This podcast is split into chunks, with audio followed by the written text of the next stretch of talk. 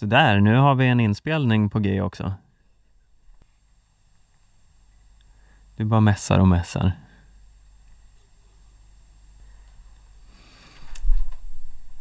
Annars då? Mm, det går bra. Jag måste skriva till våra gäster. Ja.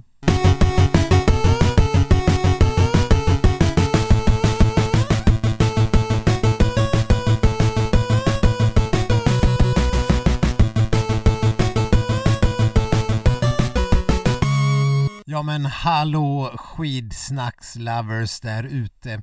Detta är alltså succépodden Skidsnack som är tillbaks med säsongens allra sista avsnitt. Och är det inte lite sorgligt Stefan? Jo, det är ju lite sorgligt såklart. Det är, som alltid när säsongen eh, lider mot sitt slut så känner man eh, en uppgivenhet och ett vemod och alla sådana känslor. Ja. Men eh, vi har ju ändå en härlig eh, eh, långfredagen till ära, eh, lång matig sändning full av eh, eh, smärta och lidelse. Ja, ja, ja men verkligen. Vad härligt. Smärta och lidelse, det är det, det, är det som var planen alltså. Det hade inte jag riktigt förstått. Hade du inte skrivit, skrivit på det kontraktet? Nej, inte riktigt. Men eh, en, Smärta och lidelse kanske inte riktigt vad lät- långfredagen handlar om. jo det är ju det. Man ska, Lidelse? man ska lida. Jo men lidelse, ja, Som, ja, lidelse. Ja, nej, det skulle... det lät lite, Ekivokt. ja, Ja, nej. Nej, här ska vi lida. Eh, ni ska ha lika tråkigt som Jesus hade på korset. ja, Eh, så det är vårt mål med dagens podd. mm. Eh, nu, så här i poddens inledning så vet vi inte riktigt hur lång den kommer att bli, men vi kan utlova gäster och annat eh, skoj. ja, jag tänker mig lite att det här kommer vara som eh, Kalle Anka och hans vänner på julafton, att det bara kommer något litet eh, så här vykort eh, instickandes från Ja. en, en kär vän. Och, så, och sen så här på slutet kanske något så här nytt inslag. Ja, Nya vänner. så här, Trolls 2 Ja. eller något. Det kanske inte är Disney i och för sig. Nej. Nu kommer vi inte ha några nya vänner i och för sig, vad jag vet. Om inte våran producent har förberett något särskilt. Ja, hur, vad- hur ser det ut i producentrummet där ute? Vi har ingen producent. Om det inte märks så är, det, så är det bara du och jag som... Ja, vi är lite våra egna producenter Ja. kan man säga. Ja. Mm. Det Därför liksom, blir det som det blir ibland. det that's why we make the big bucks. Mm. Eh, Hur, är läget med dig då? Har du skaffat en Vasaloppsplatsen? eh, nej, det har jag inte. Nej. Men jag är på väldigt gott humör. Eh, främst kanske för att vi eh, nyss har eh, firat eh, första april. Eh, och Firat första april. ja, Hur firar man det? det firar man genom att ta del av Kronans droghandels briljanta aprilskämt som borde ha varit på riktigt. Ja, Eh, alltså det här är ju en för bra affärsidé för att den inte borde vara på riktigt. ja. ja, det har inte framkommit att det är ett aprilskämt än. Nej, nej okej, vi, vi kan väl då helt enkelt hoppas att det är på riktigt. Vi kan säga så istället. Eh, nej men eh, Kronans droghandel, deras eh, poster girl är ju Charlotte Kalla. Ja, det finns en kalla linje. Ja, hon har släppt eh, hudkrämer och eh, mm, diverse eh, produkter. Mm. Eh, och nu har hon även lanserat eh, en serie kondomer och glidmedel för Kronans droghandel. Ja. Eh, ja, det är bland annat kalla kondomer med extra mycket glid. Ja. Under parollen, för mig är det viktigt med bra glid för en säker målgång. Ja. Ja. och så glidmedlet Valla by Kalla. Nu blir det åka av. Passar till både klassiskt och fristil. Ja, ja det, är, det är genialt. Ja, Alltså jag är, jag måste säga att jag är imponerad över Kallas, eh, att, hon, att hon ens kom med på det. Hon känns inte som den här, det osar ju inte liksom, eh, eh, vad säger man, eh, jag försöker komma på någon, Ylva Maria Thompson-vibbar. eh, nej. Hon som presenterar Ja, jo, jag, jag vet vad du är ute efter men jag hittar inget Alla ord. kanske inte Men i alla fall. Eh, ja, nej men precis. Eh, och och eh, att hon ställer upp på den här, vad vi får anta ändå är, är ett skämt. Ja, hon har gillat kampanjen i alla fall. Ja, hon, jag, jag, jag, skärmdumpen jag skickade var ju en, en dump från hennes egen Instaflöde. Ja, det, det ser jag nu ja. Så hon har ju lagt ut den själv. Mm. Eh, det är ju genialt. Mm. Men nu är det lite så här, Glid hela vägen in i mål med det senaste tillskottet i vår funktionella Charlotte Kalla-serie. Ja, det är, ja, det är genialt.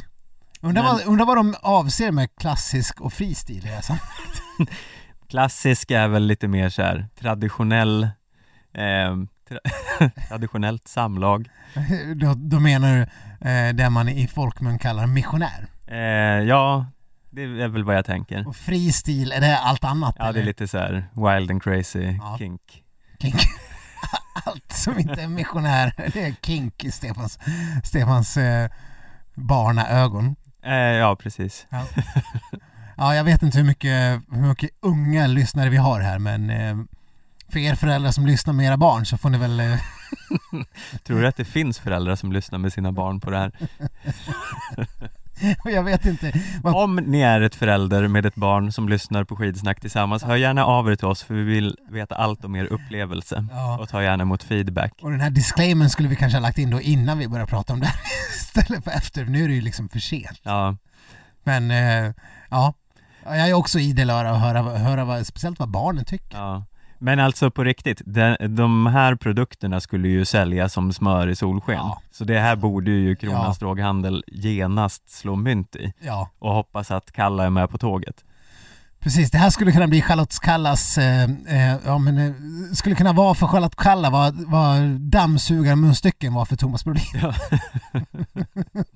det, här, det här är hennes liksom, det här är, det här är hennes cash cow. Ja. Vad var det hans munstycken hette? det har jag ingen aning om. Eh, lite såhär, Twinner, Swivel, Ja, Nå, ja. Mm. jag tror han blev ganska rik på dem i alla fall. ja. Det var liksom en så här oväntad succé. Vem, vem skulle kunna tro att eh, Thomas Brolins dammsugarmunstycken skulle vara, eh, vara liksom eh, det som behövdes i varje mans hem. Ja, nej det, det, det såg man ju inte komma. Och lika i varje persons eh, nattduksbyrå så borde det ju ligga en, eh, en, en, eh, en kartong kalla kondomer. Mm, Så, så är det ju bara. mm. Eh, jag vet inte, vi, vi kanske har uttömt det ämnet nu. Eh, jag kan prata länge till om det här, det är ändå långfredag, men eh, jag vet inte, vi kanske passerar någon form av gräns då, jag vet inte. Men som sagt, vi har ett eh, ganska så fullspäckat eh, skitsnack här idag så eh, det är väl bara att eh, hänga med. Ja, håll i hatten.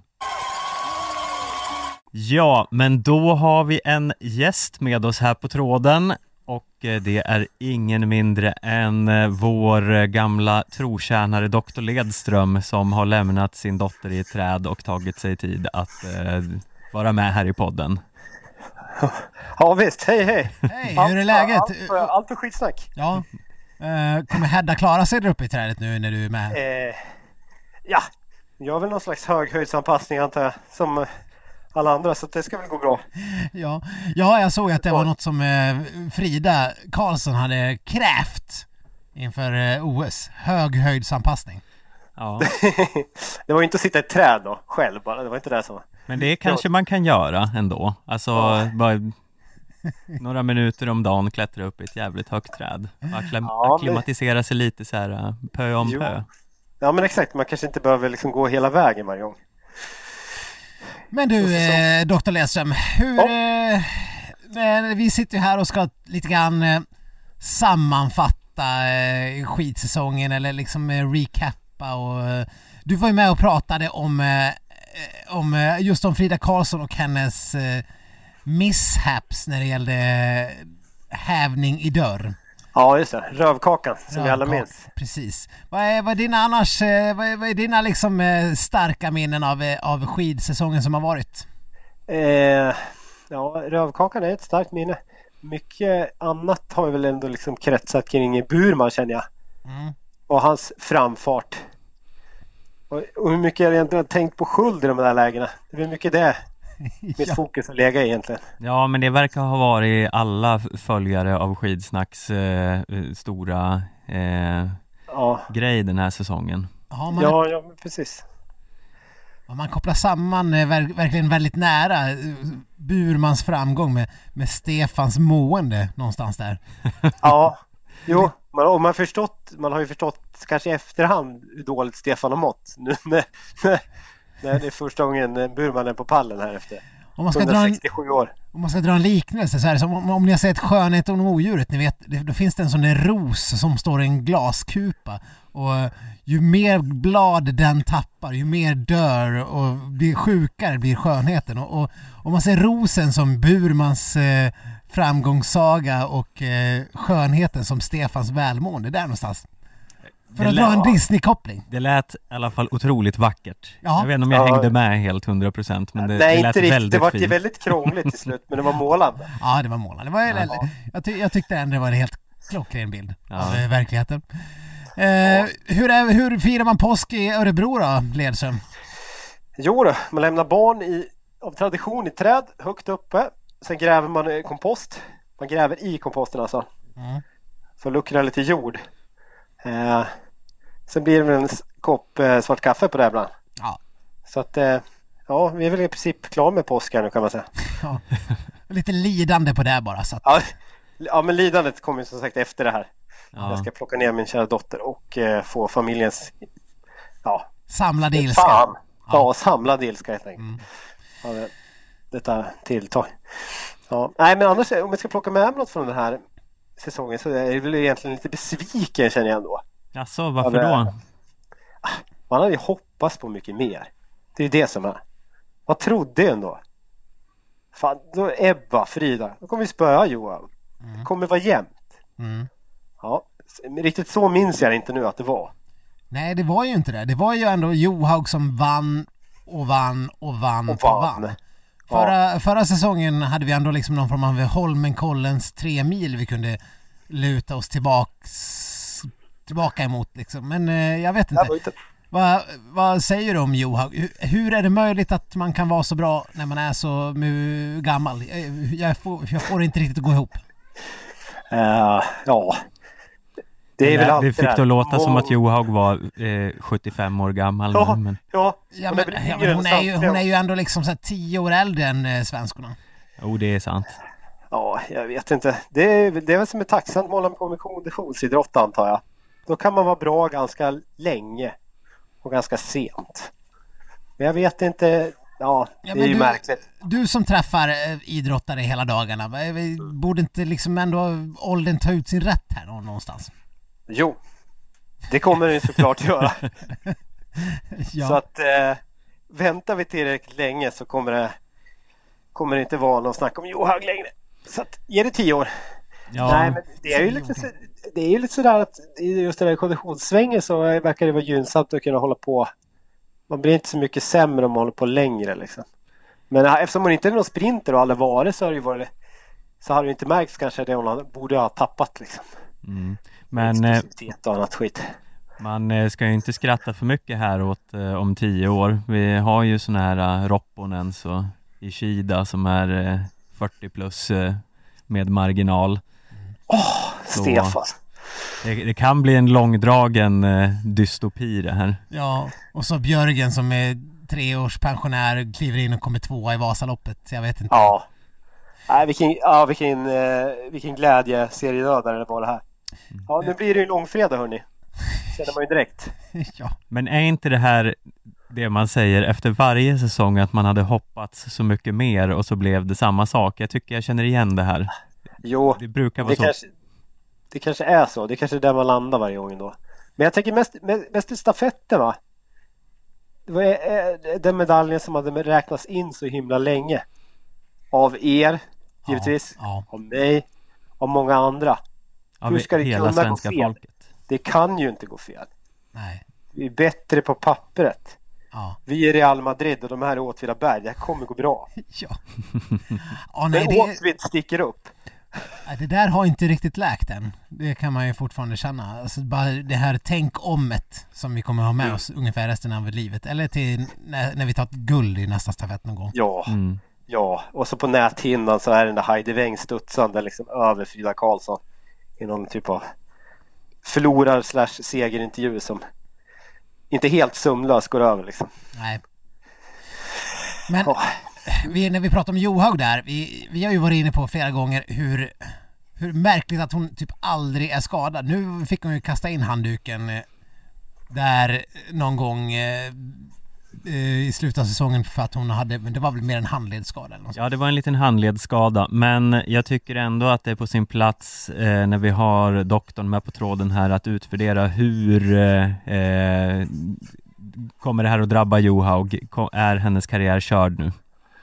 Eh, ja, vi, vi, det kommer, vi kommer att räkna med det ändå. Vi, det är väl läge att stänga den här karriären.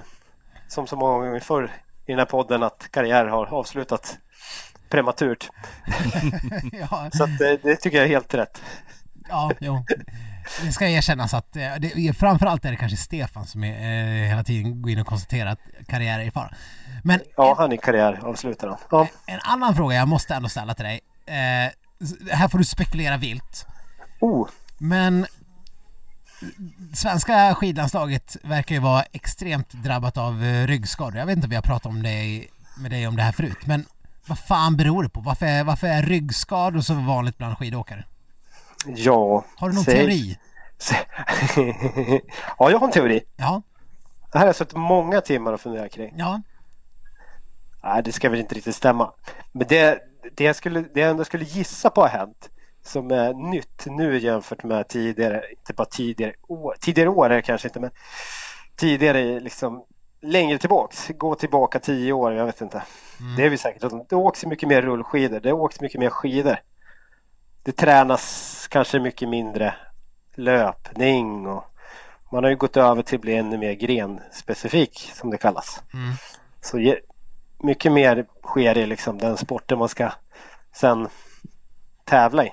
Vilket är bra. Men eh, och det ger ju liksom en, en edge. Men det är också att det sliter ju mycket mer förstås. Och göra precis samma sak året runt istället för att lägga, lägga skidorna på hyllan och valla burken i boden och sen bara ut och springa. att det liksom träningen är för ensidig på något vis. Ja, den blir ju det. Givetvis. Men eh, sen tål ju vissa det och andra inte. Sen är det, ju frågan, sen är det väl alltid man får balansera det där och se hur mycket man tål och vad som kan vara eh, rimligt för respektive in, individ. Men det verkar ju så att, som att de har gått för hårt på hela gruppen sett i alla fall. Det Eller är så, många som faller ur. Eller så är det något genetiskt i den svenska rasen som gör att eh, vi inte är bra. Vadå? Syltrygg eller vadå? Ja, precis. Något ras och biologiskt med svenskar som gör att eh, våra ras. ryggar kollapsar av eh, skidträning. Ja, nej, men man, ja, exakt. Vi vill, inte, vi vill egentligen inte. Men, Nej, men det verkar ju vara mycket så här diskbrock och grejs. Alltså, vi- vi- vi- hur, du stöter väl säkert på en hel del ryggskador, liksom ryggslutet. Vad, vad, vad, är, vad beror det generellt på när folk har ont? Alltså, det, det går säkert inte att säga generellt för det finns väl en miljard olika skador. Men det, vad är det vanligaste du stöter på? Ja, men ska man säga att det, så be- betyder, det generella eller det vanligaste det är ju att folk inte har tränat. Det gäller väl kanske inte för den här gruppen. Nej, nej. Det tycker jag vi det- kan det- slå fast Ja, kanske. de tränar Det- en del i alla fall. Ja, de tränar ju en del. Sen de jag stöter på, de har ofta brutit ryggen. Där är det av på flera ställen. Det, det är ännu mer problem. Ja. Då kommer men- man inte vinna någon fem mil sen. Nej, det är, det är, det är ofta det man får, första man får höra hos doktorn. Ja, Kommer, jag, kommer jag kunna vinna en fem mil igen? Falun är ju faran. Ja. Ja, men så kan det ju vara. Man kan ju tänka sig att det är också den här, ska vi kalla den kinesiska linjen eller så. Där man, där man har ett väldigt stort antal utövare. Till exempel Norge. Varenda jävel, var jävel är ju elitskidåkare liksom. ja. Och när man har den grunden då kan man ju hålla på och köra träning på massa olika sätt. Kanske extra mycket skidåkning och extra mycket rullskidåkning. Så kommer jättemånga få ont i ryggen där också. Men några kommer inte få ont i ryggen. Och det är de som kommer till landslaget. Ja. Det Det kan ju vara en... eh, Det kan ju vara den typen av... eh, ja men det här är, det här är, man haka på det. Det här har jag alltid varit, varit för, att vi ska in, inrätta en lite mer kinesisk eh, politik vad gäller eh, idrottsutövande i barns ålder. Ja, vi har ju länge nu den här säsongen pratat om vår kommunistiska läggning här inom Ja, men, alltså vadå? Skididrotten. Elitidrottsläger från 5-6 års ålder det har jag inga problem med att, att se. En satsning mot OS eh, 2034 och sånt.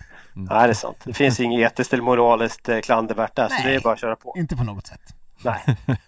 Det är motsatsen Ska- till det här, eh, Östersunds hockey som eh, bara i dagarna hade tagit bort någon gammal klausul om att man inte får eh, tävla för att vinna. Va? Ja, det var någon så här ungdomsidrottsklausul att det ska vara på lek. Eh, men det Jaha. hade gått lite in absurdum där. Jaha. Ja, men eh, herregud, hela Stockholmsfotbollen, de räknar ju inte mål förrän de kommer upp i typ så här 12-årsåldern. Det gör ju bara att det står 25 pappor på sidan av planen och rä- visst räknar mål. Men vadå, men det har inte det också, har, med den där fotbollsgrejen, har inte den har inte det också att göra med lite lägre betyg i matte som verkar vara en liksom generell grej över Sverige? Att det är svårt att kanske få ihop det för dem. Ja, Att de här PISA-undersökningarna visar att det är kanske inte lika bra att vi inte räknar mål. Det här kommer, det kommer bara slå slint i, i huvudet på barnen då. ja nej, enligt mina rapporter så, så har också barnen oftast eh, benkoll på vad, vad det i själva verket står. Eller Även om, det, Jaså? även om det egentligen bara är eh, tä- tänk 0-0 är, är liksom eh, budskap. Ja. Ja, ja, det kan man ju minnas själv att man inte alls brydde sig om vad det stod. Nej, Inte ens, i- inte ens i korpen var det viktigt. nej, nej, nej. Jag kan också minnas av min upplevelse av att ha eh, spelat eh, eh, sport med eh, barn så fuskar de också ganska mycket och hittar på mål som inte har skett vid räkning. Ja. Ja, precis. Ja, det It's gör been known to happen. Nej, men om Ja. vi ska blicka framåt då, eh, Ledis här. eh, s- 2022. Vad, vad vill du se då av våra svenska skidhjältar? Eh, ja, man, Eller Jag du spänd på att se? man, vad man spänd på att se. Man, man är spänd på att se den här rosen som är då Stefan blomma ytterligare. Såklart att det går bra för Burman, att han fortsätter på den fina inslagna vägen, får hålla sig hel och så vidare. Ja. Eh, och att eh, William kanske kliver fram lite till. Mm. Han kan väl gå upp på pallen direkt, det gör väl ingenting. Redan nästa säsong, det känns ju rimligt. Inte kanske rimligt, men det känns ju liksom, det hade varit önskvärt. Ja. Ja, men man får önska fritt här och hoppas Ja. fritt. Det är, nu har vi ju ett eh, halvår att bara drömma här ja, verkligen. innan våra Ja, drömmar går i kras. Exakt. Där någon gång Ja, så, ja, ja, ja, precis. Det brukar väl vara där någonstans. Sverige Ja. premiären i Bru- Bruksvallarna när Max Novak slår hela svenska eliten. Ja. det, det är någonstans som vi bara, ah, ja ja. Ja. Det Ja, ja. kommer ju en säsong nästa säsong också. ja, precis. Och sen, ja, det är väl där någonstans. Och sen så, eh, sen var det mer jag tänkte på? Jo, alltså man vill ju fortfarande, man vill ju fortfarande att eh, de italienska byggnadskonstruktörerna börjar limma sina listor ordentligt och kanske börjar nyttja spik. Så att vi slipper, så vi slipper eh, frånvaro på grund av rövkakor och motsvarande. Mm. Men, Annars, för annars tror jag att vi hade haft en... Frida känns ju som att hon hade kunnat vara bra, väldigt bra annars. Men det är också spekulation. Så vi hoppas väl att hon fortsätter framåt. Ja, Jag kom just på att hade det varit en sån där rim och reson så hade man ju kunnat ge Frida en sån där, eh, en sån där man, sån där eh, chins... Ja, just det. Som man Fast kan för sig, montera de- själv. de- de det är väl ännu man väl- farligare. De hänger man väl ändå i de här eh, italienska ja, alltså, värdelösa listorna. precis. Jag har erfarenhet av en sån och den har ramlat ner. Ja, Eh, så eh, jag vet inte om det är en rimlig present faktiskt. nej okej, nej, nej. Vi får ja, det är mer en dödsfälla. Det känns ju som vi ska skicka det västerut i sådana fall. Den Ja, där typen av eh, årets julklappgrejer. ge henne en eh, jägarvila eh, kloss istället. Ja. Eller något. Ja, Som typ, Precis. Och, och sådana här höftbyxor kanske. Som, som man ibland använder inom äldrevården vet jag. För att man ska undvika höftskador. Det kan ju vara något. Ja just det, det där lårbenshalsbrott och sånt. Ja, men det borde ju kunna skydda mot lårka- eller röv och lårkaka också. Vem, är, vem i Norge skulle du helst vilja skicka en rövkaka till? Du får inte säga Johaug, nu får du ta någon annan. Alltså Kläbo. Ja, mm. ja. Alltså dubbelsidig. Dubbelsidig rövkaka. Ja. Ja. Ja. Nej, Jag vet, ju... inte vad, jag vet inte vad det är. Han är kanske helt oförtjänt av det där, men han har en aura som, eh, som gör att han förtjänar det helt enkelt. Ja, jag måste också be om ursäkt. Jag, jag hängde ju faktiskt ut dig i podden här eh, Ja. under VM som en, en eh, regelrätt kläbohatare bara för att jag höll med om allt. Du... Den här... Det gick ju inte att ta miste på skadeglädjen över att han eh, diskades från femmilen ändå. Ja, men sen känner jag att jag ångrar mig lite i efterhand. Det var ju så himla, det var ju så en himla liksom grej av det där. Att det kändes som att ingen var ju glad över att vinna eller komma två eller tre eller det var ju alla var missnöjda. Ja, förutom han, han som vann, vad heter han, Emil Iversen. Ja, fast var han han- glad? Fast var han så glad egentligen? Alltså han är ju så carefree, han kommer ju inte ihåg hur det gick ens. Nej. Eller känns det inte lite så? Han struntar ju lite i. Ja. Han var ju redan på någon liksom eh, jägerbombfest i huvudet så det var väl inga... Ja. Ja. Han var Ja, väl inte, så, han var väl inte så sugen på att vara där ens. Han, skulle, han var ju någon annanstans. ja, han, ja, men visst. Ibiza, uns, uns. Ja, precis. Han drömde sig bort till någon nattspil där med någon, ja, tvivelaktigt sällskap. Ja, jo, vi har ju redan utnämnt honom som skidvärldens största fuckboy här ett par gånger så att... Ja, och där hade ni inte fel. eh, nej, tack. Tack för stödet! Ja, jag har en rygg som, som, som eh, Sam har Frodos. Härligt att höra. Du, eh, Dr. Lesem, eh, stort tack för den här säsongen. Eh, Vi, eh, vi, väl, vi säger väl på återhörande. Det gör vi verkligen. Och för återseende hoppas vi. Ja, det är... I köttet framöver. Någon gång är väl pandemin slut. Säger, det det man säger alla hela tiden, men det, Ja. det händer ju aldrig så det kanske inte... Det, Ja, den kanske aldrig tar slut. nej. Nej, Nej. vi kanske syns på en intensivvårdsavdelning hörni. Ja, Ja. om inte annat. Ja, Mm. Kul! kul ska det bli. Kul, kul podd, eh, poddmaterial. Iva inifrån. Nej, tack ska du ha Lesem och eh, hälsa familjen och glad påsk! Detsamma, glad påsk. Sköt om er. Påsk! Hej! Hej hej. Ja men då har vi en ny gäst i Skidsnacks avslutning här och det är ingen mindre än Jonna Sundling. Hej! Hej, hej! Hur står det till? Ja men det är bara bra med mig. Hur eh, är läget så här nu mot eh, säsongsslutet här? Börjar man varva ner lite?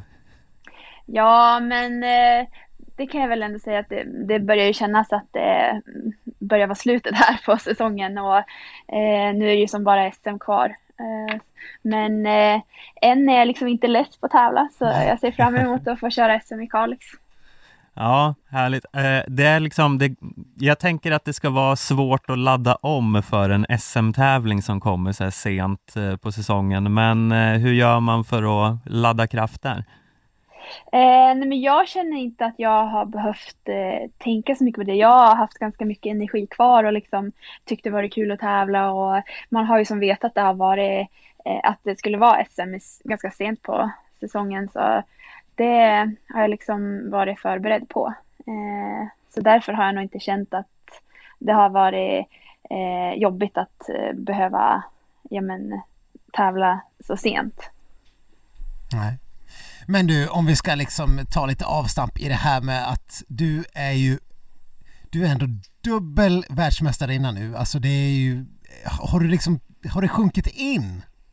Ja, men det har väl gjort det. Alltså det tog ett bra tag innan, det liksom landade hos mig och att jag förstod det. Men eh, ja, men nu förstår jag, förstår jag väl det och det har tagit sin tid men det, det är liksom det är rätt sjukt. Eh, det, är ju, det var ju mitt mål för säsongen som var liksom mitt huvudmål och det jag hade liksom tränat för hela sommaren i fjol och det var så himla kul och liksom att det jag hade gjort gav, gav någonting. Eh, så det var kul. Ja men det var ju ändå liksom det, det, var inte, det, har inte, det har väl inte varit liksom självklart. Det är inte som att du har varit överlägsen stor favorit. Det finns så många andra som också Ja, hade kunnat vara där. Har du ändå liksom hur har, hur har du trott och tänkt? Har, har du liksom hela tiden bara gått för det här guldet innerst inne? Liksom? Ja men det har jag gjort. Alltså jag har laddat väldigt, väldigt länge för de här tävlingarna och det är ju många av oss som hade kunnat stå högst upp också så det är hård konkurrens i vårt lag. Ehm, men jag eh, har haft väldigt mycket fokus på mig själv och vad jag ska göra och hur, hur jag vill liksom att, eller hur jag vill att de tävlingarna i Oberstdorf skulle vara. Liksom. Så jag hade ju tydlig, en tydlig plan både på, på sprinten och teamsprinten och eh, sen att det liksom mynnar ut att vi vinner, eller att jag vinner sprinten och att jag och Maja vinner teamsprinten var ju helt fantastiskt och det var ju eh, det vi ville liksom när vi stod på startlinjen. Alla vill ju vinna som står där. Så att, ja. eh, och det är ju världseliten så det är ju himla tufft. Men eh, eh jag är så himla glad och eh, ja, det, det är nästan svårt att ta in liksom att, att eh, vi klarar det. det. Det, ja, det är ju inte bara tur. Liksom. Nej, för jag hörde någon intervju med dig alldeles där efter eh, VM när det Ja men då lät det verkligen som att du inte riktigt hade eh, visste vad du skulle känna kring det här. Hur var Nej. det just då i stunden att gå runt i den här eh, märkliga guldyran? Ja. Uh, nej men jag kände inte, alltså, jag, det kändes inte något annorlunda. Det var, jag var ju ganska uppmärksammad och så. Eh, så det var väl en stor skillnad. Men sen så kände jag mig som samma gamla Jonna ungefär. Fast eh, att jag hade vunnit två VM-guld. Eh, och det tog ju som sagt ett tag för mig att det skulle sjunka in att men det har verkligen gått så bra där. Eh, just, jag tror just för att vi var ju på resande fot ända fram tills eh, världscupavslutningen i Engadin. Så mm. det var ju som bara att ladda om eh, direkt efter sprinten till teamsprinten och sen var det nya tävlingar efter det liksom så att allt rullade ju på. Så det var ju liksom, jag hade ju inte tid att liksom landa i det helt. Nej. Så hur har den varit nu då, den här eh, säsongen som har varit lite speciell när ni har varit ute i så här, eh, längre sjok och mycket på resande fot och ganska mm. isolerade ändå jämfört med vanligt. Hur, eh, hur har det känts? Eh, ja men den här säsongen har väl, eh, alltså jag tycker det ändå har funkat bra. Eh, vi har ju missat några tävlingar på grund av att det inte har gått att genomföra eh, utefter eh, eh, men, coronasynpunkt och alla de här restriktionerna och att det har varit mycket, eh, stor smittspridning. Eh, men alltså när vi väl har fått tävla och varit iväg så tycker jag att det funkar väldigt bra. Det blir ju väldigt mycket regler och restriktioner att följa. Vi måste, har ju alltid behövt använda munskydd och vara i vår egen bubbla i laget och typ i, på VM så testade vi oss varannan dag. Eh, så man vart ju som van den där topsen upp i näsan. eh, men sen så, ja det var ju ingen publik heller. Nej. Så det var ju kanske inte samma tryck på stadion som det brukar vara.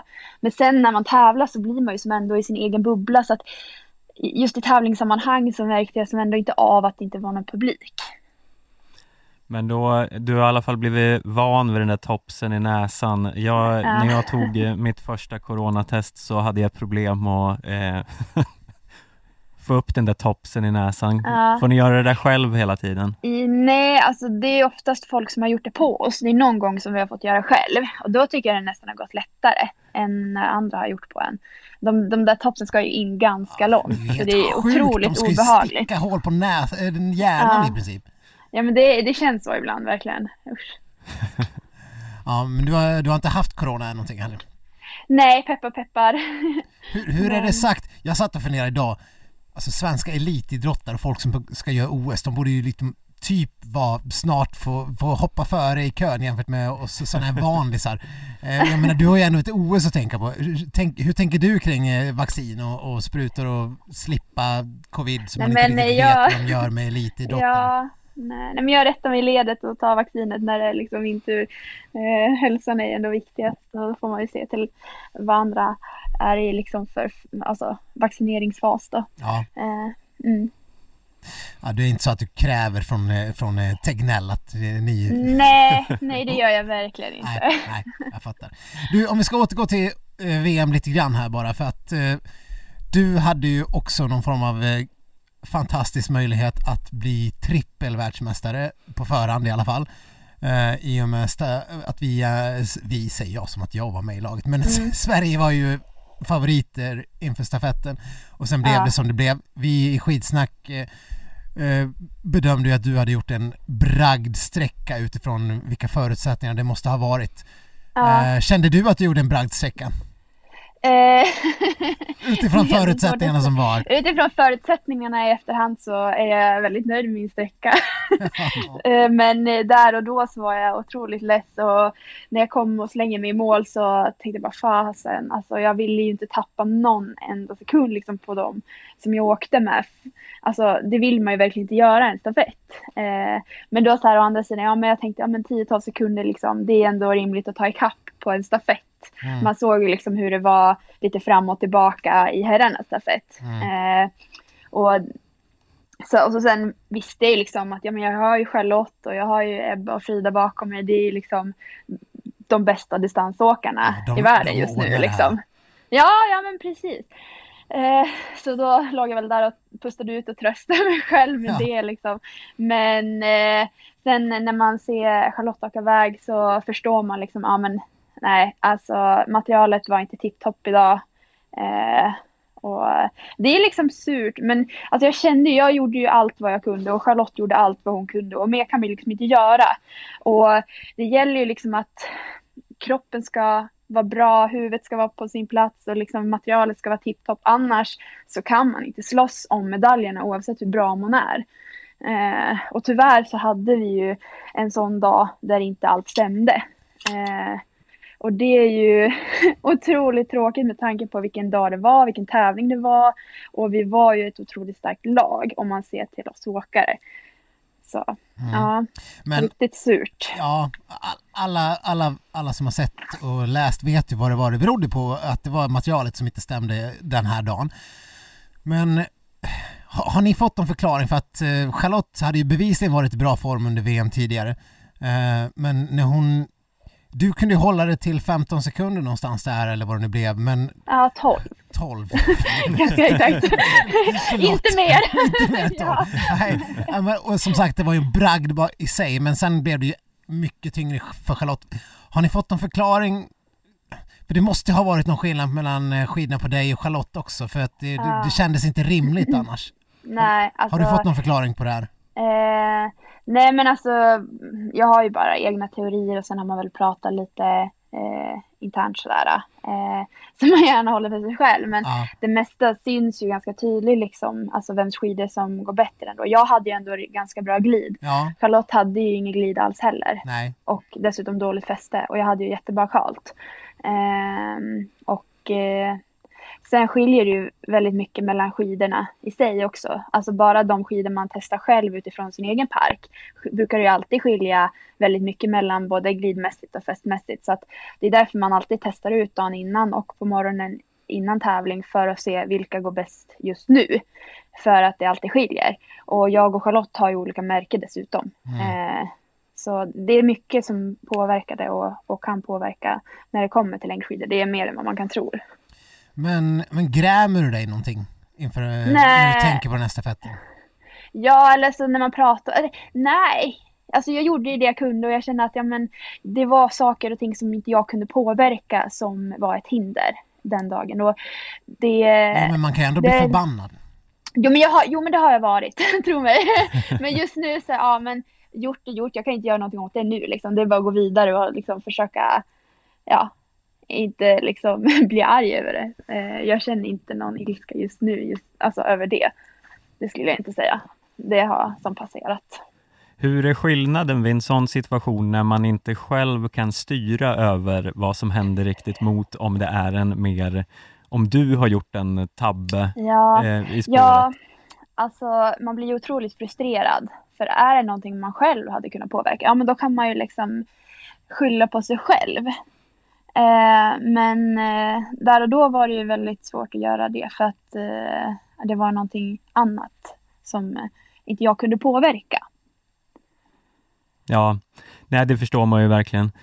Eh, om du pratar nu om att du siktar mot SM-tävlingarna här som avslutar säsongen Mm. och sen får vi väl anta att det finns ett OS som eh, hägrar här nästa år.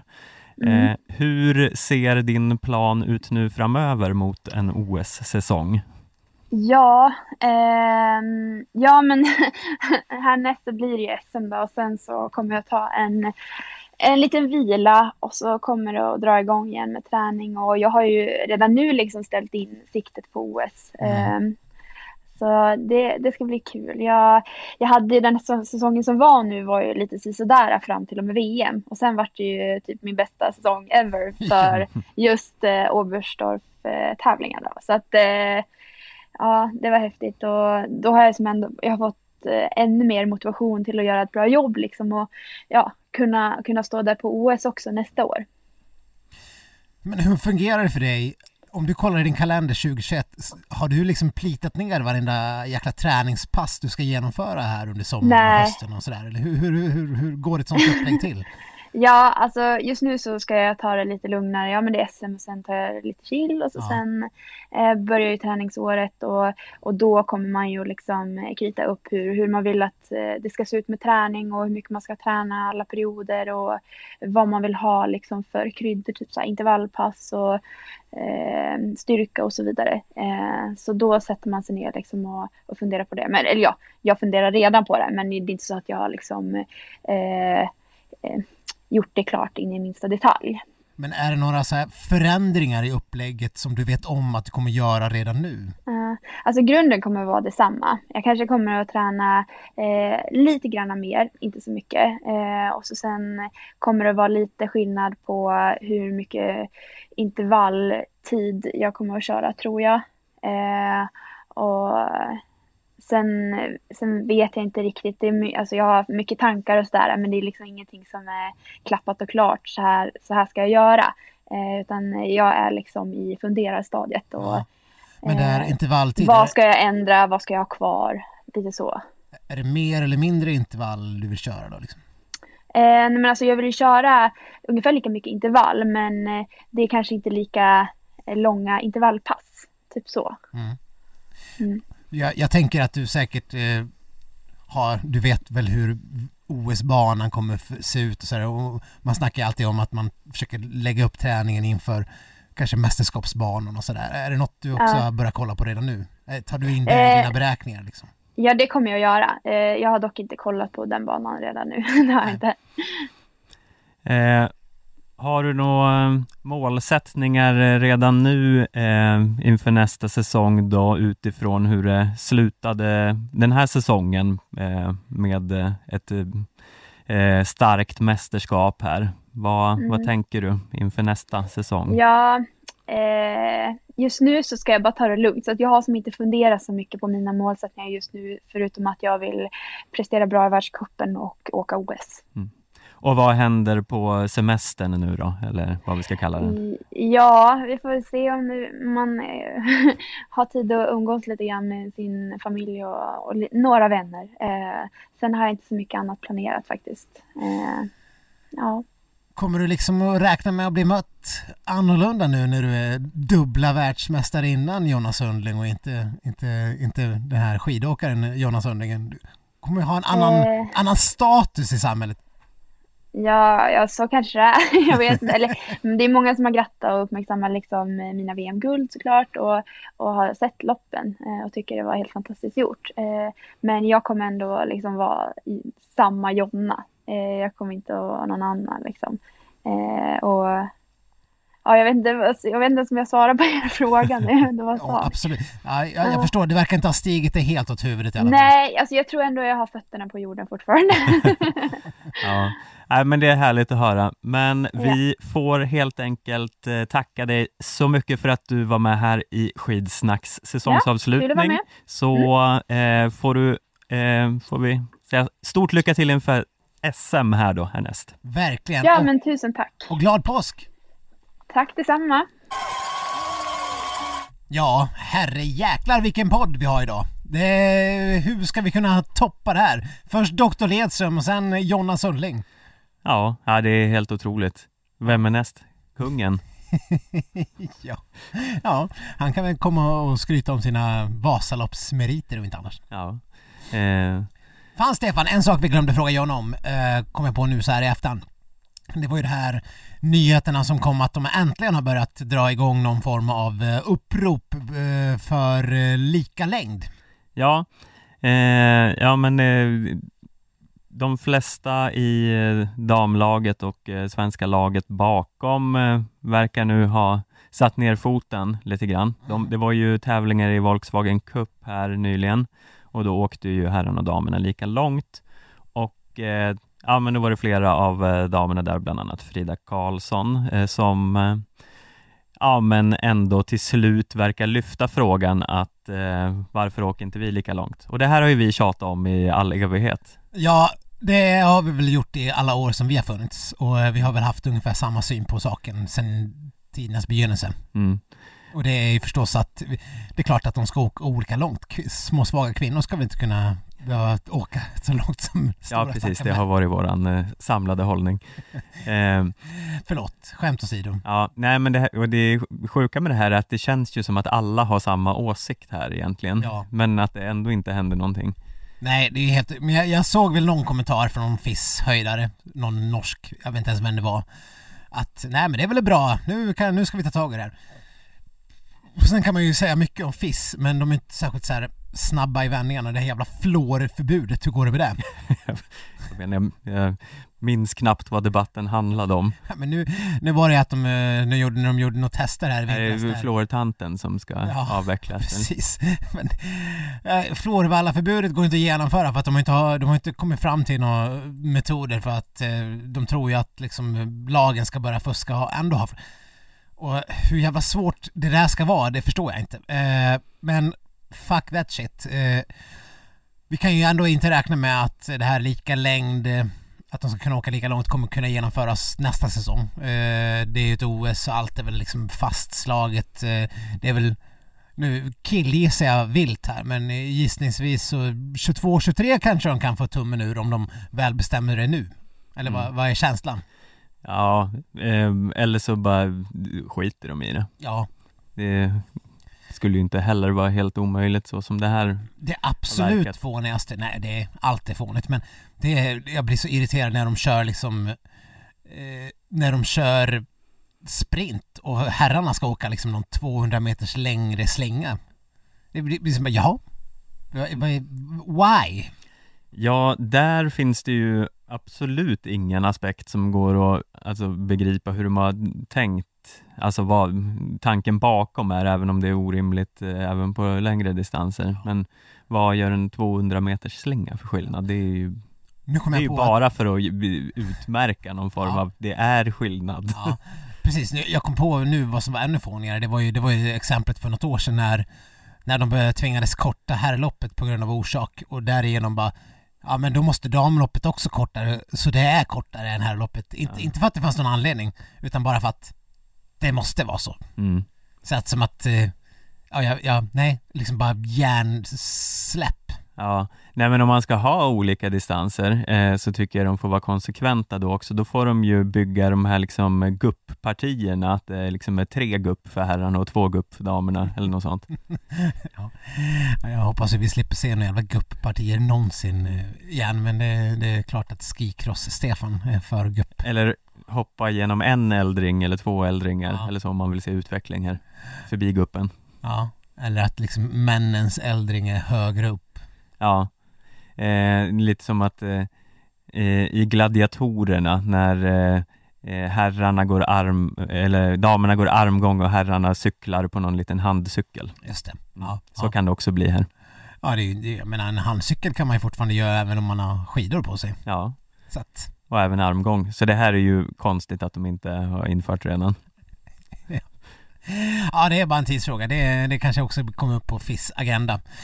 Men eh, ja, nej, vi, vi är väl ganska vi är väl ganska tydliga med att det där måste väl eh, kunna klubbas igenom inom kort. Det här är ju ett, en, en kvarleva som är bara obegriplig. Ja, men det är väl högst osannolikt att det här kommer ske till nästa säsong gissar jag. Ja men som sagt, det är liksom mästerskap, det är alltid liksom spikat, det kommer aldrig kunna hinna ge... Det, det, det, är liksom, det går inte så snabbt. Nej. Det går inte att genomföra. Fast Det- varför inte? Det är ju bara, alltså egentligen är det bara att ha ett möte. Jo, jo, och det är ju bara att bestämma att okej, Ja. vi kör, vi kör från nu, men eh, ja, det kanske finns någon form av eh, aspekt i att eh, folk har tränat för en viss typ av distans. Eller sådär. Kanske är svårt att jo, jo, men... ställa om om man eh, helt plötsligt ska få, eh, få tvingas åka fem mil eller vad det kan tänkas bli. Jo, fast då är det ju bara, då har man mötet imorgon. Så finns det ju en hel säsong att eh, ställa om inriktningen. Eh, alltså svårare än så kan du, ska det inte behöva vara. Nej, jag vet inte. Nej, såklart inte jag heller. Men eh, alltså vad ska man göra? Ska man säga okej, okay, ja men nu genomför vi det här om tre säsonger så att alla kvinnliga skidåkare hinner eh, eh, Ja, jag vet inte. Tänk om Ola Brännholm hade hört våra killgissningar ja. och spekulationer. Förlåt Ola, jag såg att du hade skrivit till oss på Instagram eh, att eh, i en kommentar. Ja, det, visst, det kanske var lite taskigt av oss att hänga ute i podden så här, men vi tyckte att det var ett eh, ett ganska styvmoderligt, lite så här nedlåtande brev. Eh, vi ska, vi ska skärpa oss. Eh, eh, vi, jag tycker vi gräver ner stridsyxan. Eh, ja, det är väl på tiden kanske. Eh, stridsyxor är väl till för att begravas. Precis. Eller? Ja, vi kan, vi kan väl anse att den, den här, han, han verkar ändå uppskatta det vi gör, mm. skriver han i en kommentar på eh, våran Instagram. Så tack Ola, vi, eh, vi, vi, nu är allt, allt gammalt groll är, är förlåtet. eh, fint sagt. Ja, men då har vi ytterligare en gäst med oss här i Skidsnacks säsongsavslutning och det är ingen mindre än Jens Burman. Välkommen! Tack, tack! Hur eh, känns det att eh, vara tillbaka här i, eh, i Skidsnack? Ja, men det känns väl bra att man är ett samtalsämne. Ja, men det är roligt att vara med. Du är ju en, en högt ärad gäst. För som sagt, vi, vi har ju lite svårt att sluta prata om dig hela tiden. Eh, eh, jag, jag, jag, ja, jag, vet inte. Upplever du det här, att det här är ett problem? Nej, nej, varför skulle det vara det? Tänker jag liksom. Nej, men det är väl, det är väl bara roligt. Så det. Så det är inga problem. Skönt. Du, den här säsongen, eh, ja, det går inte att säga annat än att eh, det har varit en succé-säsong hittills. Det är väl inte riktigt klart än, men det är väl i princip klart. Om vi säger jättesuccé, vad, vad säger du? Ja, jag skulle kanske tona ner jättesuccé då, men det har ju gått bra, det har det ju gjort. Det, det måste jag ändå säga. Det har ju gått bättre och bättre mot slutet då, så det har ju varit Nej, det var roligt att det har gått åt rätt håll liksom. Det, måste man ändå säga. Så att det, jo, det har gått bra. Ja, hur om man, för nu har det ju gått eh, någon månad eller några veckor i alla fall sedan eh, världskuppen eh, avslutades. Eh, har du hunnit tänka igenom vad du eh, är mest nöjd med härifrån?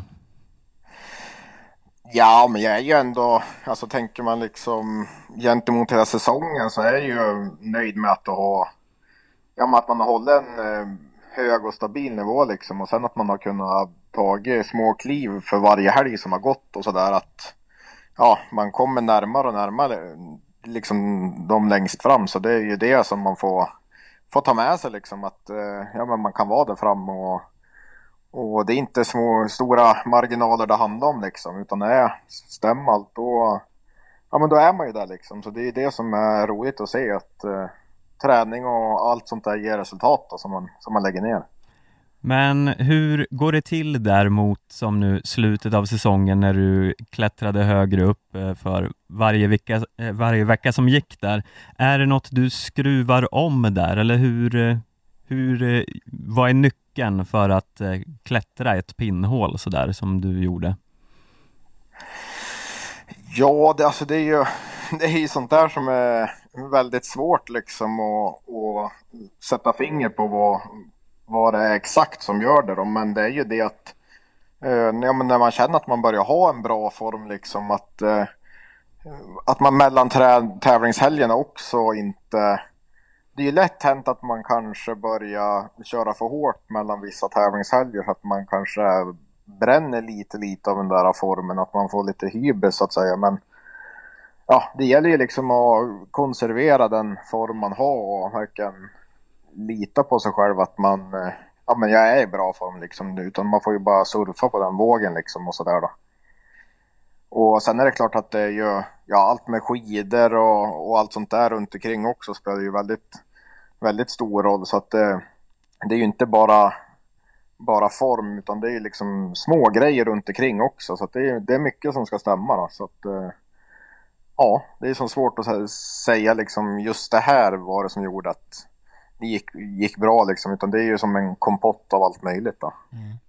Men en sån här gammal sanning är ju att eh, lite så här medeldistans eller ja men lite längre distansåkare att man kanske börjar närma sig sin peak först när man är så här 27, 28. Finns det någon sanning i den bilden?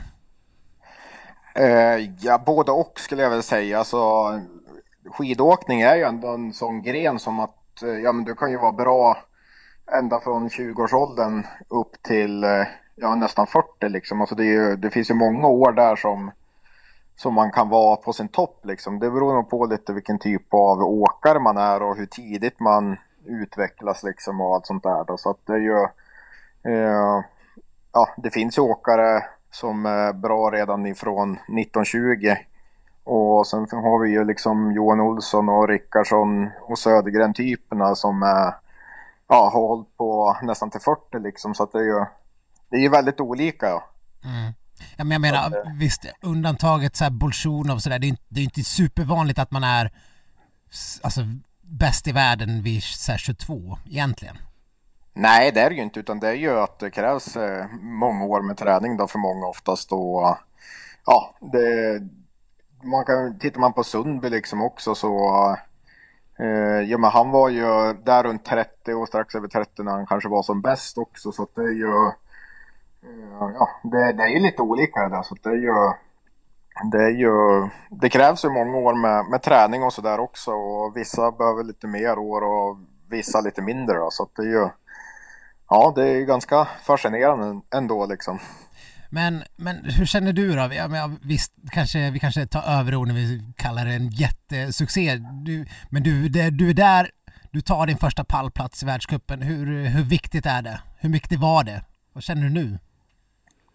Nej men det är ju, det är ju väldigt roligt liksom att eh, just som jag sa också att eh, ja men ja, det är ju dit man vill liksom och det är där man vill vara och nu eh, har man ju tagit det där första steget liksom och ja det blir ju som vad ska man säga en morot till, ja, men till nästa säsong också. Och, som jag sa, att, ja, det visar att träning och, och allt sånt där ger resultat. Då, liksom. Så man får ju fortsätta jobba på, på det spåret och, och sådär. Så att eh, ja, man får lite mer självförtroende. Mm. Om, vi, om vi tar oss tillbaks till det här fem milen i Engadin där. Vi, eh, du, du, du parkerar ju Bolsjunov och Kläbo i den eh, sista långa backen. Där. Vad, vad hinner gå genom hjärnan då? Det är du som liksom drar igång det sista rycket. Ja, alltså det var ju när vi kom in i den där eh, långbacken, det var ju, man visste ju liksom att det är ju där det kommer att avgöras eftersom att eh, det hade ju varit för mycket motvind och, och sådär under loppet så att det var ju som svårt att få någon utbrytning så. Så att det var ju, man åkte ju och ställde in sig på att det är ju där det kommer gå fort liksom. Men eh, eh sen när man går upp och kör liksom, ja, det är ju svårt att uppfatta vad som händer bakom en liksom så. Då.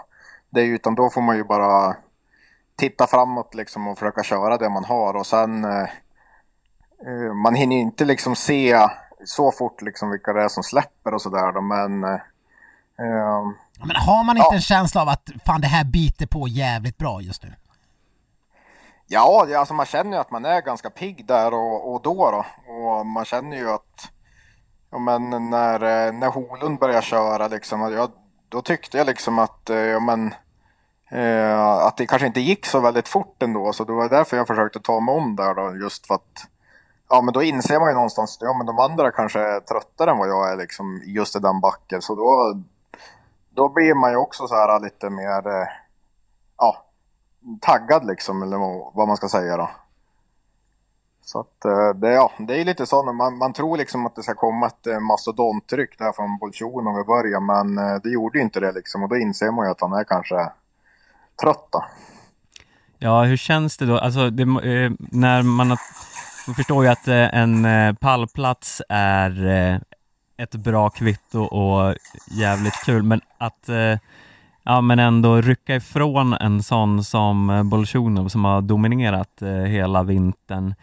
Eh, är det också en extra krydda till eh, succén på något sätt?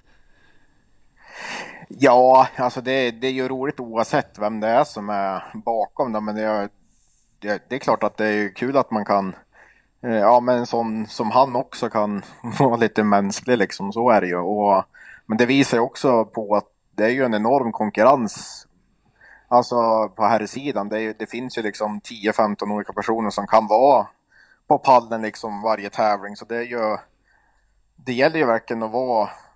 Ja men ha dagen liksom. Alltså, det, det är ju många som är där uppe och kämpar om det liksom. Så att det är ju... Är någon lite trött för dagen, ja men då... Då står ju alla andra på kö liksom. Så att det är ju... Och när du insåg när du insåg där att du var topp tre, hur mycket kändes det som att du var nöjd med det? Eh, att det skulle bli pallen? Eh, kände du att du kunde luta dig tillbaka då och inte behövde satsa mer eller vill, var du liksom eh, ändå inriktad där på att kunna komma etta eller tvåa? Eh, ja men alltså, när man eh, där mot slutet, det är, det är klart att man eh, vill ju vara först liksom över mållinjen. Det, det är det man försöker med ända in liksom. Så är det ju. Sen är det klart för mig, då var ju tredjeplatsen en... Ja. Eh, det är klart att man tyckte det var, var skönt liksom. Det var, det var jävligt bra. Men sen när man väl... Ja, nu vill man ju ta ännu ytterligare steg. Nu vill man ju vara tvåa och sen vinna liksom. Utan man vill ju mer och mer, så är det ju. Det är klart att eh, man får ju vara glad för att vara på pallen, men Sen efteråt då får man ju bara mer smak liksom, så då vill man ju vara ännu längre fram. Ja. Om du följer sviten så är det tvåa i Ruka nästa säsong då? Nej, Ruka brukar aldrig vara en bra tävlingsplats för mig så jag, jag, tror vi får vänta till helgen efter i Lillehammer. Okay. Men du Jens... Vi får, vi får, köra, vi får köra tävlingspremiären nästa år som en liten uppvärmning. Ja. vad, vad, vad känner du nu? Du, du är där du, vet, du har ju gjort så många bra prestationer nu att du vet att du har, du har etablerat dig liksom ändå i världs... Du, du är stabil topp 10 i världseliten. Åkare kan ju vi känna baserat på vad vi har sett nu. Vad, vad känner du att du behöver göra för att ta det, liksom det sista steget och liksom slåss som segrar på regelbunden basis som jag antar att det är liksom vad man vill göra? Ja, alltså det är ju det är många lopp är ju massstart liksom och eh, ja, man, alltså, och bara bli lite mer eh, grundstark eller vad man ska säga. Det, det kommer ju hjälpa mycket men sen behöver man ju kanske utveckla lite, eh, ja, att man kan åka snabbare på slutet av loppen, spurta och sådär och, och utveckla den biten, explosiviteten då.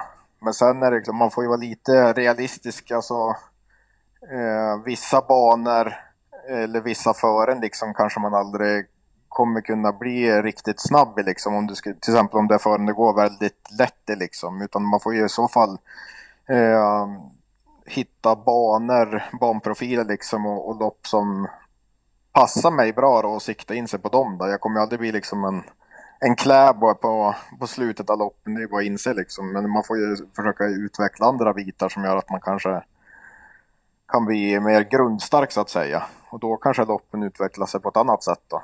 Om du förstår lite hur jag menar. Mm. Mm. Eh, om man ser nu framåt då, för du har ju, du har ju haft mycket ryggproblem tidigare. Eh, om du går in mot en ny säsong och eh, kan, eh, kan träna mycket bättre bättre eh, om du inte har de här samma problemen som tidigare? Jag tror att det kommer eh, kunna göra att du kan kliva upp en nivå till?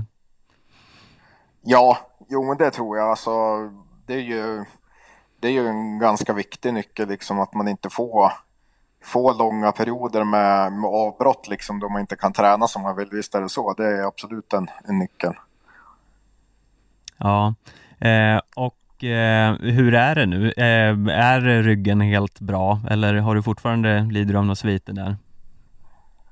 Nej, den är helt bra just nu då, men eh, alltså eh, man får ju vara försiktig liksom och verkligen lyssna på, på kroppens signaler liksom och vara lyhörd liksom. Är det så att man eh, känner att ja, men nu kanske man måste bromsa, då får man se till att göra det liksom så att man inte bara gasa på som man kanske har gjort innan. Alltså att man vill för mycket. Utan man måste kunna, kunna vara lite mer liksom lyhörd och lyssna på kroppen liksom. Så att, eh, eh, men för tillfället är det helt bra så det, det är roligt. Ja, härligt att höra. Du, eh, Moa Lundgren eh, lite känd för att eh, trycka ner mjukost i folks tandkräm. Hur, hur, hur, står det till på den fronten egentligen? Har, du, du, eh, visst är du drabbad? Nej, inte, inte mjukost än faktiskt, men eh, eh, lite andra små saker har man väl råkat ut för. När vi var i eh, Falun till exempel, då tog jag i dörrhandtaget så var det lite kladd där på dörrhandtaget och då hade de varit där och kletat chokladmousse på handtaget som skulle illustrera bajs då antar jag. Men ja, lite sådana såna små saker men eh, ja, det är hög vet, nivå. Det kanske kom... Ja, det är väldigt hög nivå på oss i laget. Det, det, det måste man säga. ja, nu när ni har varit eh, eh, så extra isolerade tillsammans den här säsongen eh, i och med eh, pandemirestriktioner och liknande. Har det, har det hänt mycket sånt här av eh, den här varan? Uh, nej, inte mer än normalt, det skulle jag väl inte säga. Det, det har inte spårat ur fullständigt? Det, det inte, nej, det har inte gjort det än då. Men uh, det kanske gör det nästa år, vi får ju se då. Det, det kan ju det kan ju spåra ur fullständigt då och gå riktigt åt helvete, men det får vi se då. då. är, det något du, är det något du sitter och filar på hemma i kammaren nu inför? Ja, men det kan jag inte avslöja om, om jag gör det. Eller? Nej, då, får nej. Jag, då får ni kanske ringa upp Moa Lundgren nästa år och se om det har hänt någonting där då. Mm.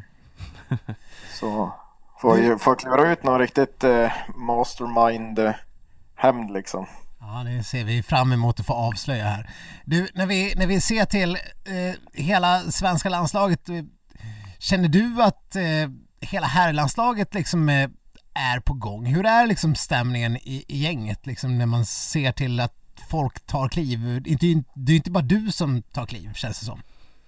Nej, jag tycker vi har varit ett bra gäng i år och Vi sporrar ju varandra liksom och det, det är klart. Går det bra för någon då, då lyfter man ju de andra och det känns som att eh, ja, men, självförtroende på, på alla som är i laget blir ju, blir lite högre så att det är klart att man, eh, att man hjälps åt på något sätt där då och, och kan Eh, ja, utnyttja varandra fast det är en individuell idrott så, så tror jag ändå att det kan ha någon, någon slags effekt. Eh, ja, för vi har ju sett eh, eh ja, kanske främst William Porroma eh, som ju har gått väldigt starkt den här säsongen också. Eh, hur mycket utbyte har ni av eh, varann, ni som också eh, verkar umgås ganska mycket eh, utanför eh, eh, landslagsbubblan? Ja, nej men vi, som jag och William, vi, vi tränar ju mycket lag. Han sitter här i soffan bredvid mig nu och alltså. tränar här på, för, på förmiddagen. Så att eh, vi är väl kanske de som tränar mest på hemmaplan då sådär. Så att det, nej men det är ju alltid bra att ha en träningskompanjon liksom som, eh, ja, men som är likasinnade så att eh, ja, det, det, är också en extra grej som, eh, som gör att man kanske utvecklas också. Då. Du, du, får, du får hälsa William. Eh, något eh, vi uppmuntrar särskilt och som vi gillar med William är hans eh, praktfulla mustasch. Har du någonsin funderat på eh, ansiktsbehåring själv Jens? Ja, men jag får kanske vänta på att mustaschen växer ut då. Jag är lite sen i den utvecklingen. jag får kanske använda lite mer mascara på, på det, det fjun som kommer ut då. Ja, det ser vi också fram emot i och för sig. Ja, det är ett vinnande koncept så får vi ju får vi köra på det. Ja, men eh, då får vi väl med de orden eh, att vi, vi, vi ser fram emot att se hur det går där på den fronten och även eh, hur nästa säsong ska arta sig här och tacka så mycket för eh, att du kunde vara med oss här idag. Ja, ja tack själv. Och tack för showen. Eh, som sagt, hälsa William allt gott och ja, ut och kör bara. Vi eh, ser så jäkla mycket fram emot att få se er nästa år? För det känns ju som att det kan bli ungefär hur kul som helst. Va? Spritter i benen bara du tänker på nästa säsong. Ja, ja, ja kanske inte riktigt än då, men eh, det, det, det kommer nog. Ja, det är ett tag kvar ändå. Och, och sådär då. Så det, nej men det blir bra, det hoppas vi på. Grymt! Eh, Stort tack Jens! Eh, Vi önskar väl glad påsk också. Ja, detsamma. Glad påsk så, så syns vi nästa säsong. Det gör vi. Ha det fint. Ja, detsamma. Hej! A lot can happen in the next three years. Like a chatbot may be your new best friend. But what won't change? Needing health insurance. United Healthcare Tri Term Medical Plans are available for these changing times.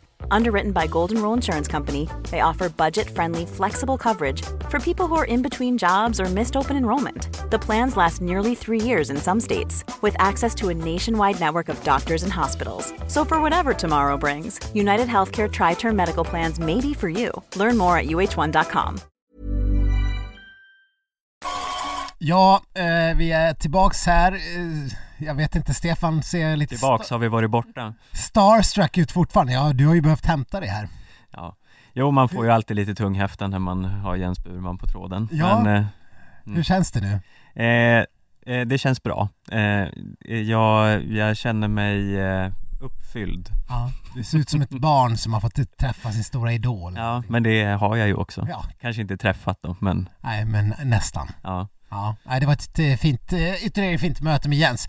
Men apropå fina möten, vi har ju fått eh, nytt fin... Alltså det här, den här kavalkaden tar aldrig slut. Nej, det, det bara fortsätter och, och ge och ge. Oj, oj, oj. Vi säger välkomna till Sportbladets Anna Rydén! Tackar! Jag trodde det var mig du syftade på när du sa att Stefan var lite starstruck här.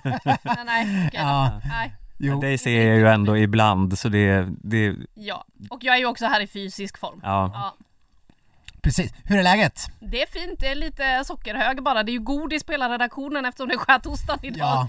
Godis, muffins, ja, läsk. Ja. Ja. Ja, jag vet. Ja, Det är därför vi har varit lite stissiga hela sändningen. Mm.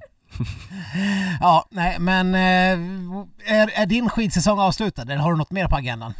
Nej, nu tror jag faktiskt den är över. Det har jag i och för sig trott några vändor den här säsongen. Eh, Men eh, efter att jag var uppe i Falun på Sverigecupen här nu så tror jag faktiskt att jag kan packa undan alla skidkläder och säga att säsongen är över. Det är ju ett SM kvar men Ja, Kalix, är det inget som lockar? det, det är lite långt borta, det känner jag. Du känner inte liksom för att sätta dig i bilen och Det tar ju Dra lite några längre tid timmar. att köra dit Mm. än till eh, Falun, det gör det. Så Ja. att, eh, nej, det får, det får nog vara slutåkt för mig den här säsongen nu, det tror jag. ja Ja det finns ju ett rucka nästa säsong också Ja, det gör ju det. Jag har faktiskt redan börjat titta på hotell för att jag inte vill bo på samma hotell som vi alltid bor på. Mm. Skulle vilja se något nytt. Ja, Ja. Vad, vad, är, vad är det för ruckel de har? Det är ju ett ställe som heter Tropiki som vi brukar bo på som är så här, det ligger 30 minuter från Ruka för det första. Mm. Man undviker ju gärna att köra där eftersom det är kolsvart i princip dygnet runt Ja. eh, och väldigt mycket snö. Men så kommer man liksom till ett sånt här ställe med vattenland, det luktar klor överallt, man sitter, frukostmatsalen är som man sitter och tittar ner på vattenlandet och enda restaurangen som finns är O'Larrys så att den menyn kan man utan och innan när man har varit där fyra dagar i rad. Ja. Ja. Ja. Jag ser gärna något annat till nästa. Vi får hoppas att, eh, nu minns jag inte vad du sa att eh, stället hette, men att de inte lyssnar här på skidsnack då Vi har sponsrat dem i många år genom att bo där så att Ja. eh, ja. Ja, nej, det är det. Vi, vem vill sitta och kolla på kissande barn under frukosten liksom? Det är, Nej. nej, jag förstår det. Det är, det är tur att du kollar på nytt. ja. Eh, annars då? Eh, det är ett OS nästa säsong. Har du bokat någon eh, Peking-biljett då? Nej, Jag har inte gjort det än eh, riktigt eh, men eh, hoppas väl kunna göra det snart. Man måste ju på höghöjdsläger och sånt innan det har jag läst så att det får kolla lite vad vi kan åka på läger också innan man måste ju akklimatisera sig så man orkar hela mästerskapet. Ja, vi pratade lite här tidigare om att det kanske funkar om man klättrar upp i ett träd några minuter om dagen och bara mm, små justerar sig lite. Ja. Kanske inte finns några riktigt så höga träd Nej. som hjälper, men man kan ju testa i alla fall. Du får väl be sporten eh, sponsra dig med ett sånt där höghöjdstält som du kan ha hemma i lägenheten annars. Det tycker jag absolut. Jag Ska ska, liksom- föreslå det för cheferna direkt. Gå in och göra torrintervjuer i tältet en halvtimme varje kväll. Ringa med utrustningen och sen fram och göra intervjuerna. Ja, Mm. Perfekt. Du Anna, du har ju rest runt ungefär i hela världen säga, men det har inte varit så mycket i världen den här säsongen. Va? Nej, man har ju inte kommit så himla långt, det har man inte. Nej, du, du har liksom knappt, du har inte lämnat, eh, ja men centrala Europa, det är väl ungefär så långt vi har kommit. Ja, jag tror att Val di Fiemme är nog det längst bort liksom den här säsongen och det är ju ändå norra Italien så så himla långt bort är det inte. Nej det är det inte. Men vad är, Vilken är den bästa eh, platsen under skidcirkusen? Eh, ja, men jag gillar ju ställena där i norra Italien så jag skulle nog säga Toblach för där är det bra mat. Mm. Det är fantastiskt fint. varför är alltid bra mat det första som alla säger? Ja, mm, det kan man undra. Det, det spelar Därför att det inte är så bra mat i Lillehammer, kanske. Ja precis, står en sån där Eller- sladdrig korv i i sånt där glansigt papper. som de gillar i Norge. Ja, Nej men det, det spelar ingen roll, det är, det är både journalister, utövare, alla. Bra mat. Alla Ja. som har varit någonstans. Och jag håller ju med. Det är det första man säger när man ska någonstans. Eh, Det är, åh gud vilken bra mat det var där. Mm. Ja, Nej, vad sa du? Fortsätt. Nej, så att Toblach är nog eh, favoriten tror jag. I alla fall av dem vi har varit på i år. Ja. Mm. Jag fick ju aldrig åka till Davos som jag skulle eh, gjort egentligen. Men dit åkte ju inte svenskarna så att då åkte inte vi heller. Jag får vänta på att se det. Det säger ju alla an- annars ska vara fantastiskt också. Ja, dit eh, åker ju alla världsledare varje år också, så Ja. de har väl förlagt det dit av en anledning gissar man. Förmodligen. Bra mat tänker jag. Ja. Men dina höjdpunkter från säsongen då? Har du funderat lite grann eh, kring vad, vad, vad känner du att du... Vad tar du med dig? Alltså den första grejen jag tänker på från den här säsongen egentligen, det var ju den första tävlingshelgen i Ruka. När man ser tv-bilder, alla svenskor är med och slåss om den här titeln i minitoren. Man har liksom Linn Svan och Maja Dahlqvist där uppe och sen helt plötsligt har man inte alls det och alla undrar vad hände? Och så kommer de liksom en efter en i mixade zonen och ger sina vittnesmål så att man får pussla ihop det där och bara okej, vad var det som hände? Det finns ju inte en enda bild på det men ja, Linn Svan berättade ju vad Mm. som hände. Ja, det här har vi ju stött och blött och vi utsåg eh, ju, eh, här i podden utsåg vi ju Linn Svan till boven. Ja. Linn Svan själv och de flesta andra verkade utse Ebba Andersson till boven. Mm. Har det framkommit några nya eh, så här, eh, bevis eller indicier under säsongen som gått här, tycker, tycker du? Alltså det pratades ju om Ebbas utförsåkning och det kan man ju säga att det var ju en och annan som reagerade då under eh, tremilen när man såg att Ebba Anderssons skidor fastnade i den där soliga backen och eh, Frida och Heidi också försvann i en backe. Ja. Mm. Det fanns de som drog i likheter och tänkte att det kanske var ungefär så här det såg ut. Eh, Men ja, så mycket mer nya bevis har vi väl inte sett än det där men eh, ja, Nej, men det var... man hade velat ha en kamera på Linn Svanen när det här hände, det kände man ju. Ja, nej men man börjar ju känna det lite att eh, det kanske fanns eh, eh, en del, eh, eller ytterligare lite skuldbörda eh, som föll på Ebba Andersson där ändå. Mm. Men det här var ju lite grann, som jag känner, startskottet på Lins struliga säsong. Fan vad, hon har haft det tufft alltså. Ja hon har ju det och eh, alltså där hon vann ju och så liksom studsade hon upp på Tour de Ski och började vinna distanser och bland det första vi pratade med henne om i Ruka det var ju att eh, hon absolut inte ville vara en jävla distansare som hennes lillebrorsa hade mässat att nu får du vinna sprinten annars så är du på väg att bli en jävla distansare och eh, det var faktiskt så jag slutade prata med henne den här säsongen också. Hon sa det att nu håller jag ju på att bli det jag föraktar med en distansare när hon var på pallen i Sverigecupen så att Ja, nej, hennes säsong har ju verkligen gått upp och ner och hon ville ju själv inte sammanfatta den än nu. För hon kände att, ja, när vi pratade i Falun nu då senast, det var ju Falun innan det, alltså när världscupen var där, kaoshelgen när alla flög åt alla håll, bland Ja. annat Andrew Young i 42 km i timmen ute i reklamskyltarna. Eh, det var ju där som hon vann distanslopp och sådär. Och skulle åka och kände att livet var på topp. Sen kom hon till Ulricehamn och så drogs mattan undan efter kraschen, axelskadan. Och sen dess så har det ju varit ganska mörkt för henne. Så att Nej hon vill inte sammanfatta det än, hon skulle ha lite eh, titlar och gärna på SM då innan hon kan känna att det kanske var en okej säsong ändå. Då har hon vunnit fyra sprintar, två distanslopp, i världscupen den här Ja, säsongen. det, är ju, det är ju helt galet egentligen när vi pratar om hennes struliga säsong. Hon har Ja. vunnit liksom sex världscuplopp. Ja, man har blivit ganska bortskämd får man säga. Och här sitter vi och bara gottar oss åt Jens Burmans tredje plats. ja visst. Proportionerna är ju Ja. kanske ibland lite all over the place. Ja, visst.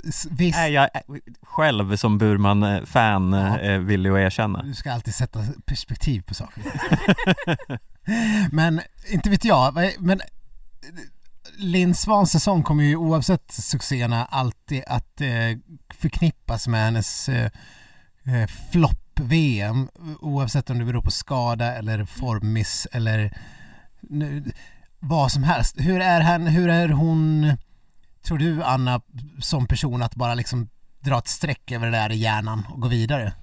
Alltså jag tror ändå att hon kommer kunna göra det hyfsat i sommar. Det lät så på henne nu när jag pratade med henne sist, för det är ju också det att det har inte varit så himla lätt att veta vad Linn Svan tycker och tänker och känner eftersom vi inte fick prata med henne mer under VM och den enda intervjun jag gjorde med henne på VM det var ju som för många andra en sån där där hon skulle svara ett ord i princip på frågorna. Så att när man ändå fick prata lite med henne nu så var det väldigt mycket så här att nej men nu, jag har verkligen lärt mig att jag behöver förberedelser som verkligen klaffar för att det ska funka för mig. Jag har lärt mig väldigt mycket den här säsongen så att det känns som att det börjar landa hos henne och när hon väl har sjunkit in i det och har ett OS som mål så tror jag att hon kan stryka ett eh, streck över det och komma rejält revanschsugen till eh, ett OS för det är ju också det sen att det kommer ju ta fyra år att behöva ladda om till ett OS om det inte går bra. Ja, eh, man kan ju tänka sig att eh, Linn Swans eh, hela mindset nu måste bara vara gå in och skapa kaos på OS. Skapa Eller kaos. skapa kaos, skapa kaos på ett bra sätt. Ja. Alltså.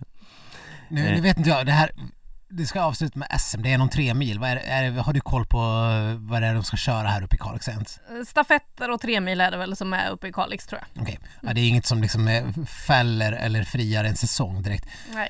Men, eh, men ja, det, jag, det blir så, så svårt när man ska sammanfatta Linns svansäsong och säga om det har varit succé eller inte. Men det är som vi säger, hon har alltså tagit sex världscupsegrar. Det är ju, det är ju galet. Det är ju liksom få svenskar någonsin som har tagit sex segrar under en säsong. Mm. Och dessutom både i sprint och distans. Det är otroligt imponerande. Eh, men man har det ju bara på näthinnan det här senaste. Så man får väl eh, verkligen hoppas att hon hittar tillbaka till sitt gamla eh, eh, goda jag igen.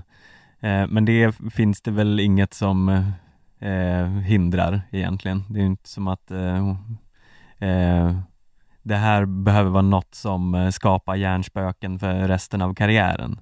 Nej, hon är väl ändå inte lastgammal heller. Hon är ju inte det, hon har nog några år kvar det tror jag.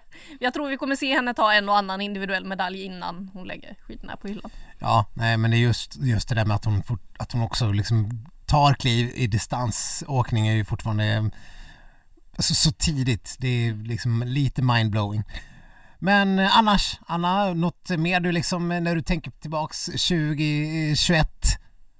Eh, något som fastnat på eh, näthinnan sådär?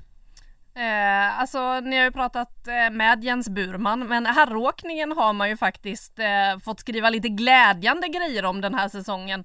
Oskar Svensson seger i Val di Fiemme. Man såg lättnaden hos hela laget, alla runt omkring.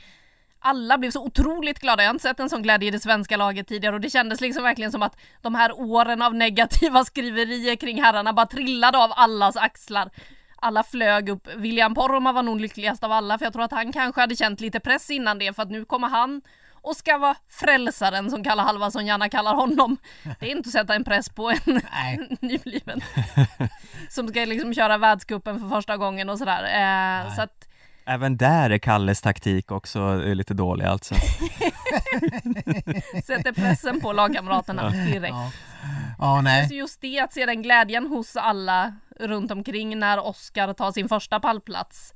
Och sen också såklart William Poromaa, hans säsong tycker jag har varit oerhört rolig att följa för att i Ruka då jag vet inte hur många gånger jag har sagt det i den här podden så här långt. Men det var ju där vi började. Så Ja. att, eh, där kommer William Poromaa, har då aldrig kört världscuplopp på riktigt innan och så här går runt och känner hur starstruck han är över att ha fått åka samma lopp som Simon Hegstad Kryger. hur många känner man som har blivit eh, starstruck av Simon Hegstad Kryger? Inte Ja. jättemånga. Nej. Men William Poromaa kände så när han hade varit ute och kört där och Varför, ju, varför valde han ut just honom Jag att bli starstruck inte. av? Det finns ganska många andra. Ja. In, inte något ont om Kryger, men eh, Nej, jag, jag kan ändå jag- se några andra jag... Nej, men jag håller med. Jag, Kry, jag gillar Kryger verkligen. Alltså, av norskar, om man ska välja en norsk som man, som man känner någonting för så, jag menar, de flesta går ju bort. Men Kryger, han, det är någonting. Jag hade, Han har blivit, någonting. jag hade blivit mer starstruck av eh, Röte. Ah, ja, nej, nej han har, han, han ser lite, han ser lite, så här- han ser ut som en så här sång och dansman lite grann. Det, det, nej, det går inte hem, nej det hör jag. Men du då, Anna, du som träffar de här hela tiden, vem av dem eh, har du starkast känslor för? Eh, norskarna pratar vi Ja, om. norskan Ja. alltså.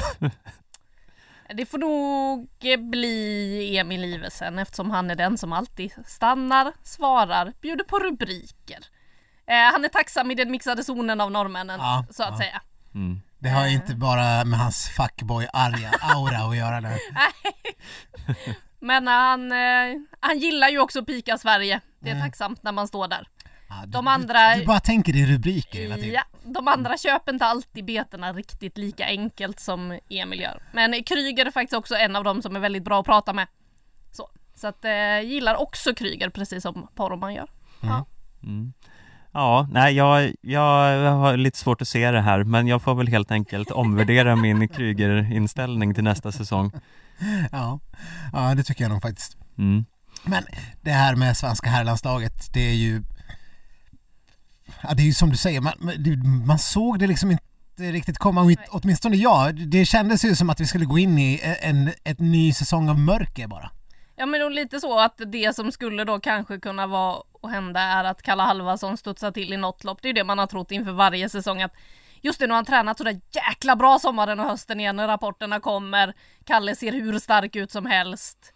Och sen visar det sig att han har tränat som en bodybuilder och inte alls kan leverera i skidspåret. Men eh, ja, det kändes ju verkligen inte som att man var på väg någonstans. Men man gillar ju också en grej med Oskar Svensson och hans eh, att han verkligen gillar det här med att staka. Det kan ju gå hur som helst. Ja, Ja. det har vi ju sett den här säsongen. Ja, Att Men det är ju lite kul att han vågar testa. Sen kanske han inte ska testa en VM-final nästa gång i sprinten.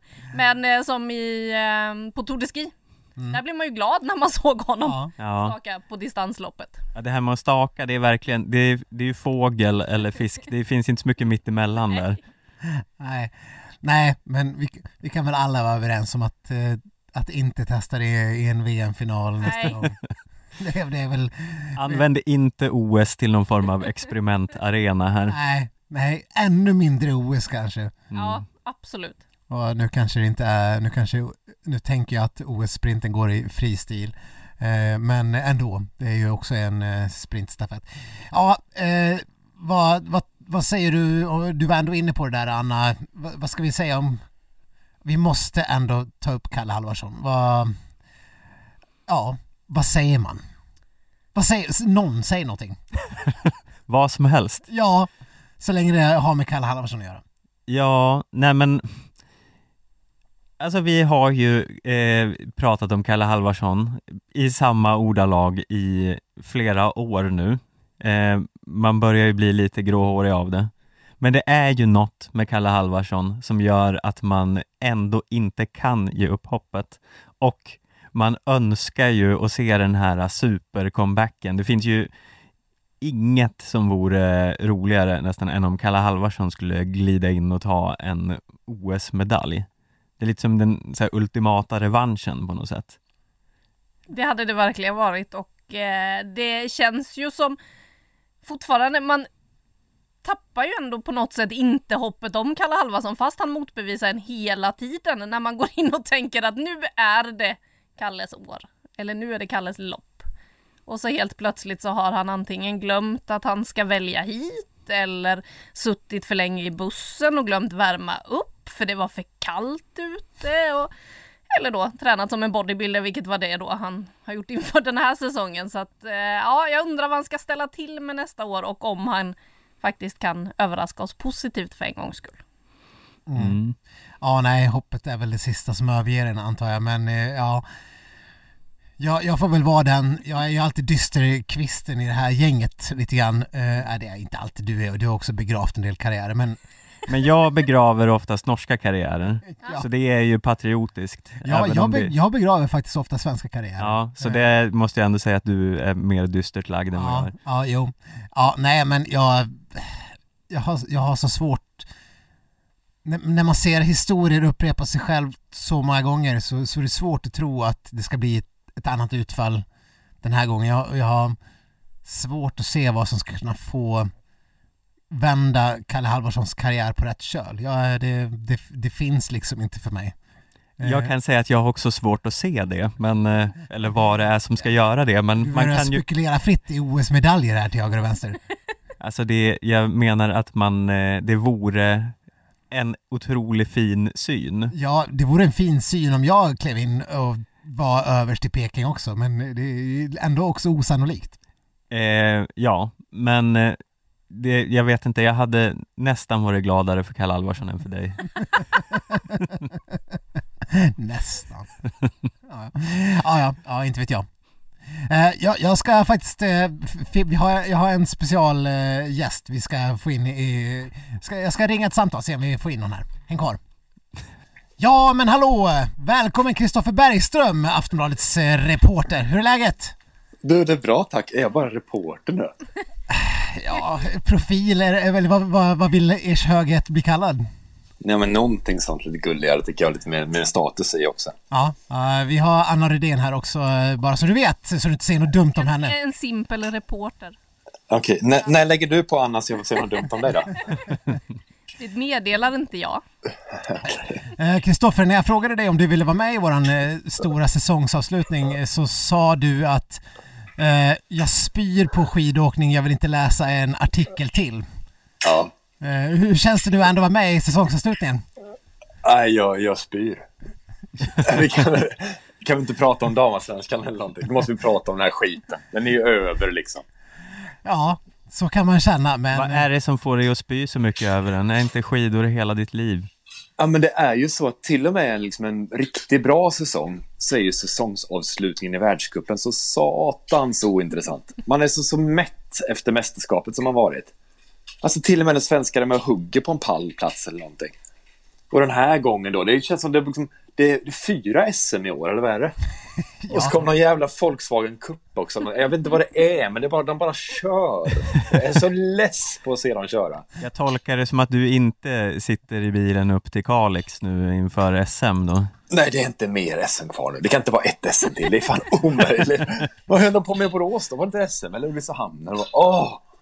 Nej, men nej. SM är fa- faktiskt helt obegripligt för det är, är ju 25 SM på ett år. Ja, det, är faktiskt. det tar aldrig slut på SM. Vad, vad händer med att ha SM på en plats? En gång? Ja, när SM-veckan när de eh, har eh, rullstolsbugg och eh, sån här m- mopedhoppning och sånt. Ja. Nu, nu fick jag med er på tåget känns det. Sitter vi alla här och spyr på längdskidor? Ja, ja, men vi har ju faktiskt eh, ärligt talat, kom, vi börjar närma oss slutet även på säsongsavslutningen så det är, det är liksom verkligen det sista skälvande vi, vi försöker häva ur oss här. Eh, men eh, vi har en sak som vi inte har pratat om eh, som vi måste göra innan eh, allt tar slut. Det Ja. är ju eh, Nents stora, de kliver in och snor Kristoffer, håller du på att liksom laga stormiddag där borta eller vad är det som händer? Jaha, det är min son som bygger lego. Ja, okej. Vad har din son att säga om, eh, om eh, Nants eh, nya längduppställning? Han eh, har Ojala bytt, säger han. Och så kliar han sina, sitt lockiga huvud. Han fattar ju ingenting, det vet ju alla att han har. Jävla, jävla konstigt alltså. Jag har inget bildat barn. Nej. Nej, men äpplet faller inte långt och så vidare. Nej men, hallå? Vad säger Va? du Anna? Eh, skär, ojala, skärvärvningarnas stjärnvärvning. Det blir ju intressant att se om hon ska vara i rollen som programledare nu istället när hon känner sig färdig som expert. Eh, Det tycker jag ska bli lite spännande att se. Sen vet jag ju som eh, skrev lite om det här eh, vad jag fick in i min mailkorg kring eh, grejerna att det liksom ska tas över och eh, Peter Gide Det är en person som ingen som mejlar vill se i eh, Vinterstudion sammanhang eller vintersport sammanhang så att eh, ja, han har nog en liten uppförsbacke att jobba sig upp för verkar det som. Ja, Men har de presenterat vem som ska snacka om diabetes hela jävla tiden nu? det lär inte bli någon annan. Men vi ska väl också säga det att alla vi som någonsin haft en Aftonbladet mailadress, det, det, det är inte som att eh, folk är så här överdrivet entusiastiska och positiva jämt. Eh, Eh, det är ganska sällsynt att eh, man får höra en massa positiva grejer. Det är det. Nej, Jag ska ärligt talat säga att jag, jag, jag var lite, jag, jag kände mig som en Kristoffer Bergström när jag, när jag såg att, att Peter Jihde skulle vara nya Pops. Jag ville bara spy överallt och alla. Men, men jag tänker att vi kanske ska ge honom en chans. Men är jag helt ute och cyklar nu eller har inte Gide, var inte Gide Pops eh, föregångare en gång i tiden när han var på SVT? Har inte han Jo, gjort det här tidigare? Men det har man lite glömt bort, eller har jag drömt eh, det här för det var så länge sedan? Jag tror du kan ha rätt där. Alltså han var ju en, för, han var ju en företrädare liksom på det jobbet. Jag vet inte om han hade Vinterstudion, om det fanns Det Vinterstudion kanske då. inte så- kallades Vinterstudion på den tiden eh, på det sättet, men jag har ändå för mig att man eh, ryckte på ögonbrynen lite när Pops skulle ta över från Gide. Eh, men det här kan ju som sagt vara en dröm, så ta inget jag säger för en absolut sanning här. Men eh, hur som helst, eh, det, det, nej men eh, det det är ju bara att instämma. Det känns ju eh, som att eh, eh, man ska fira jul med någon annans familj här helt plötsligt när man ska eh, kliva in på Nentland. Men man får väl ge dem en, eh, en chans i alla fall. Ja, och det är inte bara sändningarna i sig. De kanske inte är jättemycket sämre, men alltså, längdskidor, det är så låg ribba för att kolla på längdskidor. Man slår på tvn så är det på direkt när man sätter på tvn bara sådär. Nu måste man knappa in en ny kanal och bara det kommer vara svårt.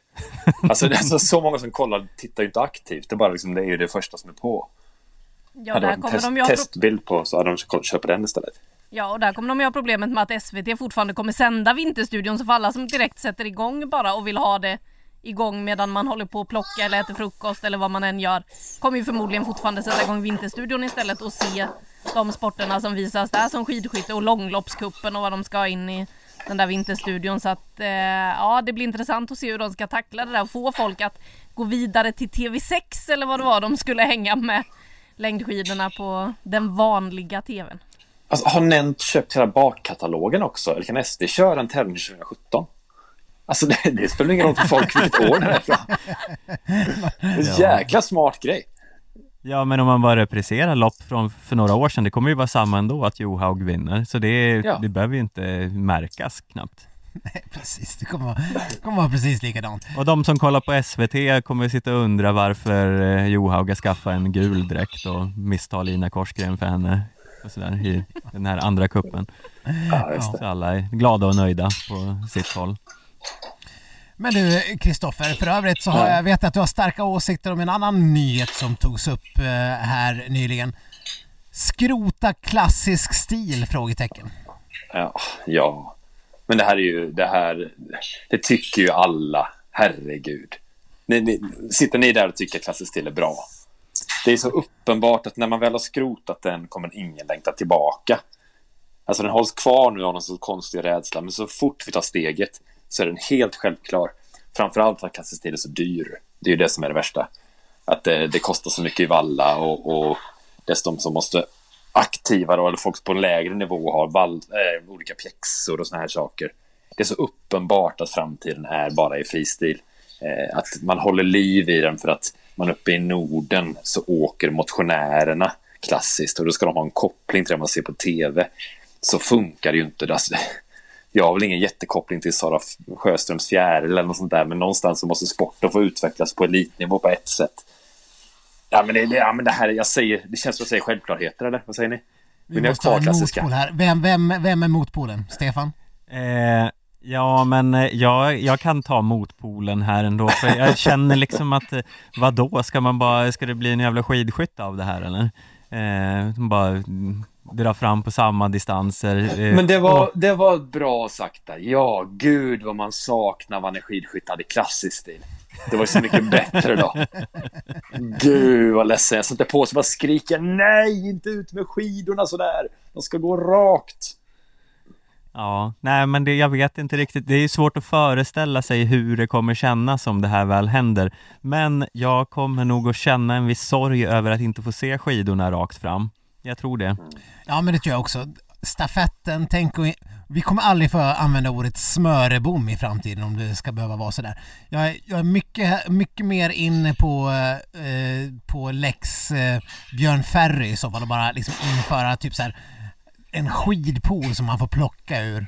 Eh, snarare än att eh, förbjuda klassisk stil helt och hållet. Eller förbjuda, det blir någon form av, man bara plockar bort. Vad säger du Anna? Jag tycker att det finns andra förändringar man kanske ska göra innan man plockar bort eh, klassisk stil för att få eh, längdskidorna att bli jämnare och bättre och så här. Och se till att eh, mindre nationer får det bättre ställt ekonomiskt och sådär. Maurice Magnificat var ute i veckan och vevade lite kring till exempel eh, hur programmet är upplagt, resor hit och dit. Det finns ganska mycket sånt man kan tänka på, både ur ekonomiska aspekter och inte minst miljöaspekten, för den är ju ändå ganska viktig för den här sporten. Man ser hur det blir mindre och mindre snö runt eh, spåren så att eh, där tycker jag FIS har ganska mycket som de kan fundera på kring hur man ska utforma tävlingsprogram. Ja, och vi har ju också pratat om det här med, med kvinn, kvinnodistanserna ska liksom förstås matcha här distanserna. Det är ju också en sak som måste upp på agendan hör. Men vi hörde ju också Kristoffer nyss nämna skidskyttet och det för oss ju osökt in på nästa ämne. Eh, som är förstås Stina Nilsson. Eh, vad, vad säger vi? Vad ger vi, vad ger, vad ger vi hennes säsong för betyg? Eh, nej men eh, med tanke på hur det började eh, och eh, hur det slutade så jag tycker inte man kan säga något annat att det var en, eh, en fullt godkänd eh, debutsäsong. Jag vet inte, man hade väl såklart önskat att hon skulle kliva in och vara världsdominant direkt och det var hon ju inte. Men jag tycker ändå hon att... Hon, hon var ju världssämst direkt. Eh, ja, men hon är ju inte världssämst längre. Nej. Hon, hon är kanske inte världsbäst, men det finns ändå ett hopp om att Stina Nilsson kan vara en världsklass eh, skidskytt eh, framöver. Så jag tycker ändå att det eh, jag väljer att se det här som en positiv utveckling och inte längre sörja längdåkaren Stina Nilsson. Ja, det ska bli kul att se nästa säsong om hon kan ta det ett steg till. Mm. Ska vi höra vad köksmästare Bergström har att säga? Eh, tre plus, tycker jag. Jag tycker det var imponerande på slutet. Eh, så att jag, jag tycker också att hon klättrar i alla listor också i skjuttid och allt sånt där. Hon är bara några sekunder efter nu per, per skytte. Det är alldeles för långsamt. Men förut så var det ju liksom 12 sekunder efter på ett vanligt skytte. Så det kan ju inte, inte vara. Då är det ju då, då är det chanslös hur hon än kör. Så nu har hon ändå skärpt sig på alla vis. Och eh, det är också ett bra... Nu behöver hon liksom inte riva upp allt och tänka om till nästa säsong. Utan om hon vrider på alla detaljer lite lite så kom hon lite närmare då. Då kan hon nog stabilisera sig att vara med i världskuppen. Jag minns inte riktigt vad jag sa, men när det hände så var jag med hos er. Och då sa jag att hon aldrig kunde komma topp 15 eller topp 10 första vintern eller något sånt där. Och det kändes helt självklart. Och det, nu blev det ju nästan att hon gjorde det ändå liksom. Ja, 22 men, Ja, jag tror hon, kom, hon var typ 26 en gång och så klättrade hon någon placering fast hon gjorde bort sig nästa lopp. Ja, det var så. Um, så att jag menar, hon har ju inom... Alltså hennes mål för nästa säsong ska ju inte heller vara så här pallen i världscupen, utan det är fortfarande så där att... Ja, men... För köra rätt många lopp, det är fortfarande det tror jag som mål. Så lång tid tror jag hennes process är. Så långt efter var hon från början. Um, fan vad långt svar. Jag säger tre, tre plus säger jag. Anna? Jag håller med Kristoffer och tycker också att det lite spännande att, eh, som du var inne på Stefan, att man sörjer inte längre längdskidåkaren Stina Nilsson. Längdskidåkaren Stina Nilsson har jag inte saknat på hela säsongen, vilket jag tycker är lite spännande med en åkare som ändå var så pass bra i längden. Men där eh, känns det ju som att hon hade knappt fått plats i sprintlaget. Alltså det finns ju så otroligt många andra att se fram emot där så det blir spännande att se hur Stina utvecklas till nästa säsong. Sen alla som började drömma om att hon skulle ha dubbla OS-medaljer redan direkt och efter Peking, det får man kanske tänka om lite. Sen visst, alla ska hantera höjden och sådär också. Det har vi ju sett att det kan göra en hel del i skidskytte, men ja, nej. Några dubbla OS-medaljer, det ska vi nog inte Nej, jag vet inte. drömma Kommer, vidare om. kommer vi se någon Stina i Peking? Är det liksom Ja, det är klart att vi kommer. Det är en för stor marknadsföringsmiss att inte ha med henne där. Eh, Jag menar inte i Nents jävla liksom OS-studio nu. nej men vad då? det är väl klart att eh, har man tillgången till ett sånt affischnamn så kan man avvara en OS-plats till Stina Nilsson. Även om det kan finnas någon som har en chans att ta två placeringar bättre så tror jag att Det är ju ingen jävla uppvisningstävling, det är ju OS vi snackar om. De ska ju åka någon form av stafett och grejer. Ja, men man ska också skapa intresse för sporten och allt vad det heter. Så jag, jag, jag känner mer och mer att hon, eh, om hon inte går flera steg tillbaka så är hon given. Nästan. Bergström, Stina, OS. Nej, det tror jag inte. Varför? Jag tror att, för jag, jag vet inte hur många platser vi har. Har vi fyra per sträcka eller plus kanske en bonus? Jag vet inte riktigt. Ja, men Hon, är ju inte, hon kommer inte vara en av våra fyra bästa skidskyttar nästa vinter. Det tror Nej, jag jag, inte. jag tror inte att hon är given att åka, men hon är given i en trupp eh, i alla fall. De kommer ju skicka henne till eh, OS. ja, de verkar ju jävligt sugna på att ha med henne. Det är i allt som går. Så verkar det ju vara. Eh, Det är väl, det är väl förstås kosingen till Skidskytteförbundet. Men hur mycket ska man låta det styra över prestationsförmågan? Ja, och sen är det väl lite, det finns väl någon form av topp 8-krav som en eh, hel del eh, sommarolymper just nu håller på att klaga på, eh, som SOK ställer eh, från sin sida. Så att eh, det är väl lite också vad de gör för undantag där i så fall. Eh, för att några topp 8-placeringar kan man ju inte räkna med på Stina. Hörni, nu Ja. öppnar min fru en öl till mig. Jaha, vissa har det bra här, det hör jag. S- Skrota SM, det är mina sista ord. Lycka till med allting. Vi hörs. Glad påsk! Eh, ja, där, där var Kristoffer borta och det hör ni också på ljudet. Det blev så här lugnt och harmoniskt. Ja, gud vad jag, jag, jag liksom känner mig mindre stressad. Jag sitter bara och tänker på bakgrundsljudet och poddlyssnare och hur ska det gå, vad ska de tänka och eh, hur, hur många, hur liksom är drop-offen på själva poddlyssnaren? Nej, usch. På tal om drop-off, jag kommer att tänka på det nu här med skidskytte. Om man skulle, eh, nu har vi ju visserligen sagt att det har varit eh, kul att Stina Nilsson har bytt eh, bana, men finns det någon man ska oroa sig för att de så här, följer efter när de ser att Stina Nilsson eh, ändå eh, ja, men kan vara på väg att lyckas med någonting? Eh, är det någon ni oroar er för att de ska ta steget till skidskytte? Det finns ju en som det har diskuterats kring, men det är ju ingen svensk, men som hade varit rolig att se i skidskytte. Det lär ju dröja dock, men eh, i Ryssland så pratas det en hel del om att man vill se Alexander Bolsjunov som skidskytt. Oj, oj, oj, det, Och eh, ja, det Why? känns ju som att det kan sluta hur som helst. ja. Alltså hur, hur, hur, ja, ja, nej, va, va, va? Det här snacket har jag hört absolut noll om. Vad är det som Det är på sägs alla där? ryska sajter då va, som jag är inne och surfar på. Ja, ja, det här var Världens intressant. Eh, ja. Det är inte bara Google Translate som spökar för det utan det här, det här, det här är på riktigt alltså. Det här är på riktigt att det spekuleras kring att man skulle vilja öva honom dels som affischnamn då och lite så här eh, och att eh, ryska skidskyttet kanske behöver en stor stjärna igen efter att eh, det inte gick så bra för dem. Eh, det gick ju inte jättebra för dem på längden heller förutom Bolsjunov men eh, ja Nej. de har varit ute och svingat om att det kanske kan vara en framtida karriär för eh, Mr Bolsjunov och eh, efter att ha sett dem i längdspåren i år så känns det som att det hade varit lite roligt att se hur han hanterar ett vapen Mm. ute på Ja. Nej, visst, och det, jag förstår ju ryska, ryssarna, de har ju, det har ju varit lite besudlat deras eh, skidskyttelandslag av eh, dopningsavstängningar och sånt också så de kanske behöver lite ja, de har ju Loginov som sin bästa eh, åkare och alla hatar ju honom så ja. det, man kan ju förstå att de vill ha någon som är mindre liksom, avskydd. Mm. Men eh, ja, Nej, men- alltså. Alltså jag, jag, jag, jag skulle på riktigt, det här, det här är obs inget skämt. Jag, jag kan inte Kalle Halvarsson sadla om och bli skidskytt. Det här, alltså, jag, jag tror det hade, hade passat hans... Eh, alltså på något vis så tror jag att det, det här med att skjuta och, och inte tänka så mycket hade passat honom bra. Alltså på skidskytte ska man inte tänka så mycket. Man ska ju gå fram, dundra av fem skott och, och sen åka vidare. Eh, Hans problem är att han åker ju runt och och liksom funderar på saker och ting när han åker skidor. Om han skulle behöva ha en bössa och sen, då skulle han bara, bara tänka på att snart ska jag skjuta och, och då tror jag många av hans bekymmer skulle försvinna. Du kan vara något på spåren. Ja, du kan vara något på spåren eller så kan du vara något absolut eh, inte på spåren.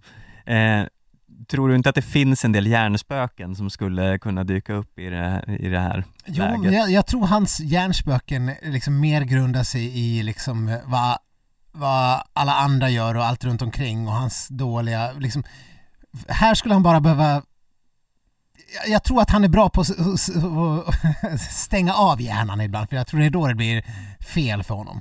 Mm. Eh, Att, att det liksom allt bara blir, jag tror att det här, jag tror att eh, jag tror det skulle kunna funka. Jag tror det skulle kunna bli bra. Mm. Eh, nu kanske han är lite, det kanske är lite för sent för honom. Jag, jag är lite oklart hur, hur, hur snabbt det skulle behöva gå men ja, det, är- det är min drömvärvning till svenskt skidskytte. Ja, ja men spännande. Får se om Eh. Rickard Grip slår en signal till Kalle H. Ja.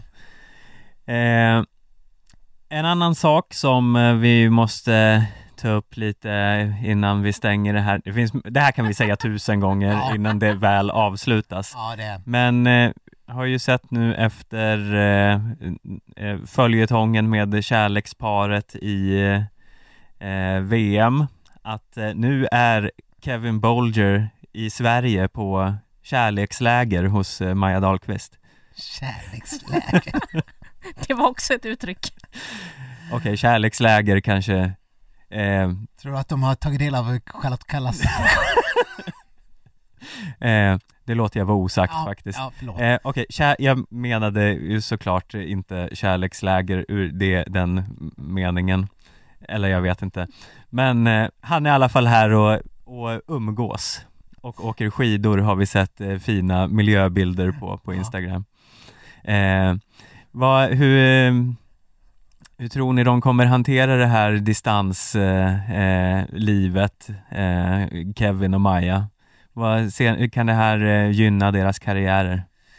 Ja men så här va, jag får ju ändå intrycket av att de här amerikanerna, de, de är liksom, de åker hem typ en månad nu. Nu är det- Diggins håller på att renovera några jävla hus och grejer. Hon håller på att kakla ett badrum, eh, eller vad det är nu hon håller på med. Fan Stefan, vi har inte kunnat ta upp Johaugs badrumsrenovering än. Just det, jag var på väg att glömma det, det får vi, det har vi ju utlovat så det Det kanske blir nästa säsong. men, men, men eh, över, överlag, visst är det väl så att amerikanerna de åker hem typ två månader, sen ligger de ju typ Europa tio månader ändå. Så är det ju och eh, jag pratade ju med både Kevin och Maja i Falun eh, för han var ju med och tävlade i den här eh, Sverigecupen då.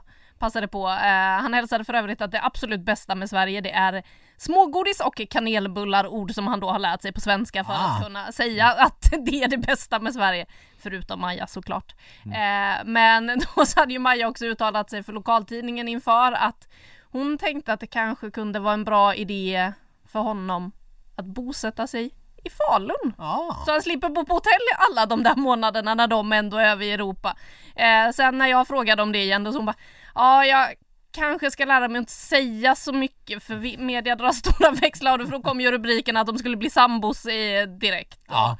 Så här, såklart. Eh, så att ja, nej vi får väl se. Nu har de i alla fall vad det verkar förlängt hans visum så han får vara kvar lite längre annars skulle han åkt hem redan i tisdags tror jag det var som det gick ut men det lyckades de förlänga så han får några dagar till här innan han flyger över till USA. Härligt. Mm. Ja, nej men eh, eh, Kevin Bolger i Falun, det, det skulle väl eh, smaka mumma det tycker jag. mm. eh, Kan han åka i stafettlag där när han har bytt medborgarskap också? Ja, med Oskar Svensson. Mm. Vilket, vilket lag Falun-Borlänge kommer få. Oj, oj, oj. ja, eh, inte till den här Kalix-stafetten då antar jag. Då är det väl kört. Jag tror det tar lite längre tid att byta medborgarskap Ja, Men eh, ja du tänker att han ska till och med bli svensk? ja, precis Jaha.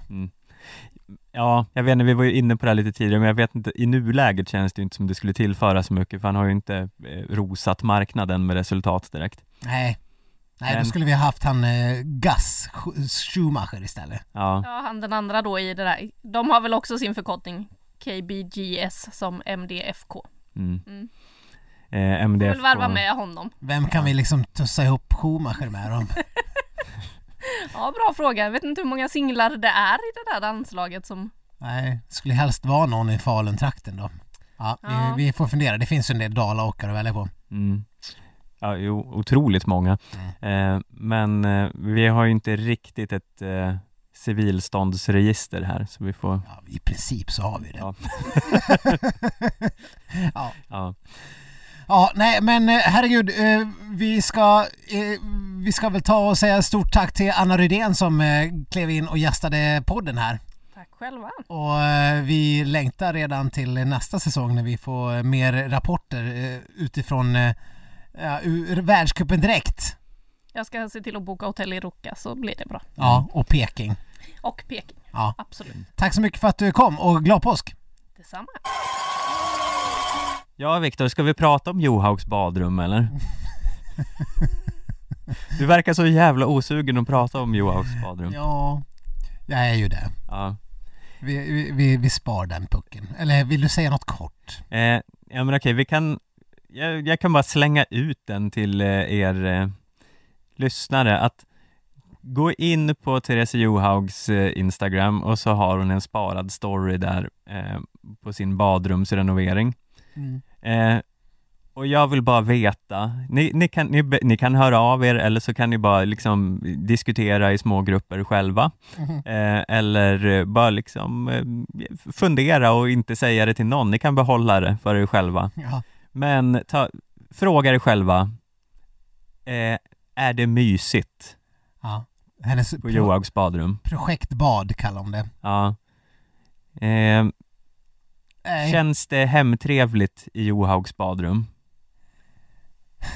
Det är, det är den frågan jag vill ställa er. Och sen kan vi lämna det där eftersom Viktor inte vill prata om det. Ja men alltså, nu, nu är det lite svårt för folk har inte sett det, men jag, ty- jag tycker det ser ut lite som ett så här boutique hotell badrum. Och det kan väl vara lite, det kan väl vara lite spexigt? Ja, det ser ju ut som ett hotell, det är mycket riktigt. Ja. Eh, men, Men folk älskar att bo på hotell. ja, men folk vill inte bo på hotell eh, permanent.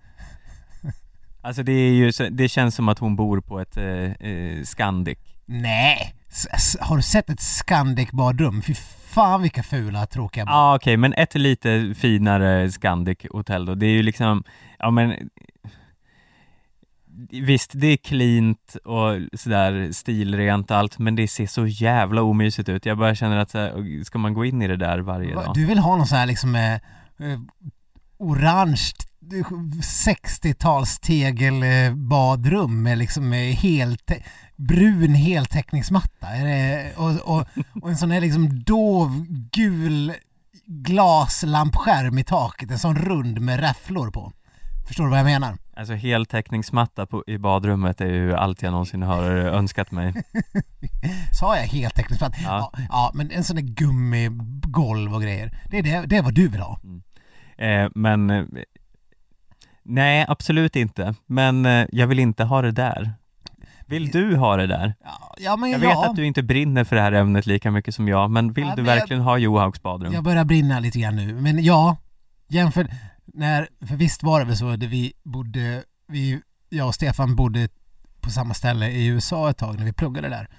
Visst hade de typ heltäckningsmatta i badrummet, i, åtminstone i halva badrummet där. Ja, alltså ja det var, hade de. var inte det det äckligaste som någonsin Jo, hänt? jo, det var ju fruktansvärt vidrigt och jag har varit på så här, hotell i London med heltäckningsmatta på badrummet också. Det är, Ja men det det, är det, mest- du, det vill ju du ha, du vill bo i något så här kissindränkt badrum, det är Nej, det ska inte vara liksom så här speglar med, med ljus bakom och, och, och, och fräck belysning utan det, det ska vara det ska vara kissindränkta det heltäckningsmattor. behöver inte vara kissindränkt badrumsmatta, men det behöver inte vara den här äh, seriemördar-viben. Nej. Jag ska berätta för dig lite kort eh, när jag eh, i ett tidigare förhållande var jag iväg till eh, eh, vad heter den här huvudstaden i, där de har här spanska ridskolan, Wien! Wien. Wien. Eh, där, där hade de en toalett, det var väldigt fräckt, det var glasrum ute i sovrummet, det var ett litet hotellrum. Så det var en helglasad eh, vägg som skilde toaletten från, eh, från eh, sängen i, i, det här. Det var också något så här boutique-hotellaktigt, snajsigt. Mm. Eh, men det var ju full insyn då. Ja, Och det, redan där kan man tycka att eh, det, här har någon arkitekt eller inredningsdesigner fått för mycket makt och feeling. mm. Vem vill ha full insyn till toaletten? Eh, Okej, det här kan bli ett problem. Mm. Det blev inte lättare av att jag på resans första dag eller första morgonen eh, efter första natten äter någon form av Första morgonen. Nej, ja, ja, skit. äter någon form av uh, salami brie-macka där det är antingen dålig brie eller dålig tomat. Det vet Inte vi. dålig salami. Nej. Nej. Det var, jag vet att tomaten smakade lite mjukt och brien smakade lite härsket. Tomaten smakade lite mjukt. Ja men du vet när man biter jo, in jag mjuk förstår vad du menar. Ja. Ja. Eh, och därefter så, så öppnades eh, helvetets gap Mm. i mig. Åt alla håll. ja. Du behöver Eh, inte utveckla det mer. I Men du är glad att du inte hade heltäckningsmatta? 24 timmar. Jag är glad att han inte hade heltäckningsmatta. Men däremot så hade vi ett, ett, en glasvägg mellan, mellan eh, badrummet och, eh, eh, och, och sängen. Mm. Och då visste man ju inte liksom, det var ju på den nivån att man inte visste vilken, ska jag sitta eller ska jag stå? Hur ska, hur ska jag prioritera det här? Ja, då ville man inte ha glasvägg. Nej. Nej. Men det är ju något, eh, för det här är ju, det, det här är ju bekant. Ja. Eh, För eh, så här, boutiquehotell överlag verkar ju jobba med någon form av eh, konstig relation till badrummet. Ja. Det var ju, vi bodde ju på ett hotell i München eh, en gång också när vi var på väg till Ruhpolding för att Ja. gå på skidskytte. Där var det också någon form av i och för sig frostad glasvägg, men det var ju en sån här flortunn eh, eh, badrumsdörr som också är lite så här, ja, Ja. Det kanske ser fint ut men det finns väl ingen poäng whatsoever i världen att ha en eh, flortunn eh, Nej. badrumsdörr. Nej.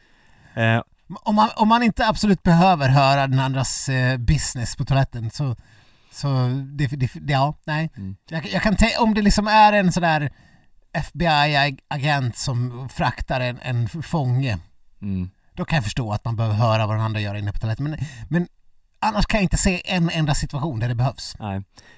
En annan situation, eh, bodde på ett hotell eh, i New York eh, för något år sedan. Blev det här liksom Vagabondpodden? Ja, jo men det blev det. Ja. Där var det då så att badrummet eh, var på en liten upphöjnad. Eh, Ja. Eller eh, det är så här, man gick upp för några trappsteg Ja. inne i ja, men hotellrummet. Och så sen satte man sig på toan där då. Och sen tänkte man, vad är det här för konstigt eh, draperi eh, bredvid? Så drog man upp det. Jaha, nej men då var det en glasruta ut mot eh, resten av rummet, det vill säga mot sängen. Eh, Ja, men det lät ju ändå festligt. Jo, men då är det så här, ja visst, man hade ju ett draperi där som man kunde dra för och inte eh, ha någon form av public eh, eh, eh, toilet visit. Ja. Men det är ju ändå byggt så att man kan ha det, vilket gör mig väldigt, väldigt konfunderad. Alltså jag undrar om de, om de här liksom hotellen eh, caterar åt liksom någon form av kinky BDSM-publik egentligen. Att det är liksom folk som går igång på när parten har drabbats av liksom Montezumas hämnd inne på toaletten. Ja, Och att det, liksom, det ska kunna ges fri access om man önskar. mm. ja nej men det måste ju vara så helt enkelt. Eh, se vilket intressant samtal det här Ja. Johaugs badrum gav upphov till. Ja, det är otroligt. Jag, jag, jag, jag, jag vet inte, jag tror vi får ändå gö, gö, dra slutsatsen att eh, skidsnack börjar, eh, börjar behöva, behöva rundas av. Ja, eh, Inte bara för idag utan eh, för den här säsongen. Vi kanske behöver ta ett, eh, ta några djupa andetag. ja jag tror det, när vi Mm. börjar prata om eh, hotelltoaletter i in absurdum här så, så tror jag att det har gått för långt. Mm. Så vi ska väl eh, släppa er. Ja, eh, men eh, vi hoppas att vi har gett er en eh, långfredag att komma ihåg. Mm. Den, den härligaste långfredagen någonsin förhoppningsvis. Förhoppningsvis. Eh, eller om ni lyssnar på den någon annan dag, det är okej också. Ja, Eh, Det är inte, det, alla, Avsnittet kommer inte explodera efter eh, midnatt. det är ingen sån här Mission Impossible-uppdrag. Nej, Nej, det får man säga. Eh, stort tack. Det har varit en fantastisk säsong att, eh, att få göra skidsnack igen. Det kanske har varit den roligaste säsongen hittills. Så jag hoppas att vi får fortsätta eh, även nästa år. ja, eh, och Inga eh, kontrakt är påskrivna men, eh, men det ska väl mycket till va? det känns som det. Och eh, Vi kan väl säga att eh, vi kanske har varit lite, eh, inte riktigt haft tid att svara på alla era eh, kommentarer och frågor senaste veckorna, men vi ska ta ikapp det så snart vi hinner och eh, diverse priser till fantasy-tävling och sånt eh, är under bearbetning. Kraftigt på gången då. Du har ändå gjort, lagt in någon form av beställning till dem. Ja, jo, men det händer Så- saker. Ja, här, här. Det här, är det här Mm. vi- vi vilas det inte på hanen. Ja, men eh, ni, vi tycker ju att, eh, för det händer ju att vi får lite feeling och gör en liten mellansäsongspodd ibland. Och eh, om ni har grejer som ni eh, spanar in under sommarens gång, någon, någon liten eh, eh, möjlig romans inom skidvärlden eller någon som har något eh, galet träningsupplägg eller något på som ni hittar på Instagram eller så. Vi, även om vi sitter och följer alla åkare slaviskt så kanske vi tappar något eh, litet eh, Alltså, vi ska där under eh, mellansäsong. Så alla tips ni har är eh, guld värda. många, många av våra bästa godbitar kommer från er lyssnare, så är det verkligen. Så att det är bara mejla skitsnacketaftonbladet.se eller följ oss på sociala medier och skicka ett DM. Och eh, för er som inte prenumererar på oss i- i podcaster-appen så gör det, för då får ni direkt upp ifall vi skulle få, få för oss att skita ur oss en extra podd under sommaren. Ja, ni kan även prenumerera oss på oss någon annanstans, typ Spotify eller Ja, Acast eller det finns, vi finns överallt. Så ja, det så återstår väl inte så mycket mer än att säga stort tack för den här säsongen Stefan. Det har varit en, eh, en eh, ja men eh, nästan en ära. Ja, ja men detsamma, det, det har varit helt okej. Helt okej. Ja. Två äpplen. Två äpplen, två gröna äpplen. Två. Ja, vi, vi får återkomma om äppelproceduren men jag såg att jag hade, jag hade internet med mig på min sida i alla fall. Ja, eh, delvis. Eh, men eh, ja, vi får väl säga på återhörande och ha en trevlig sommar. Så hörs vi förhoppningsvis snart igen. Hej då! Hej då!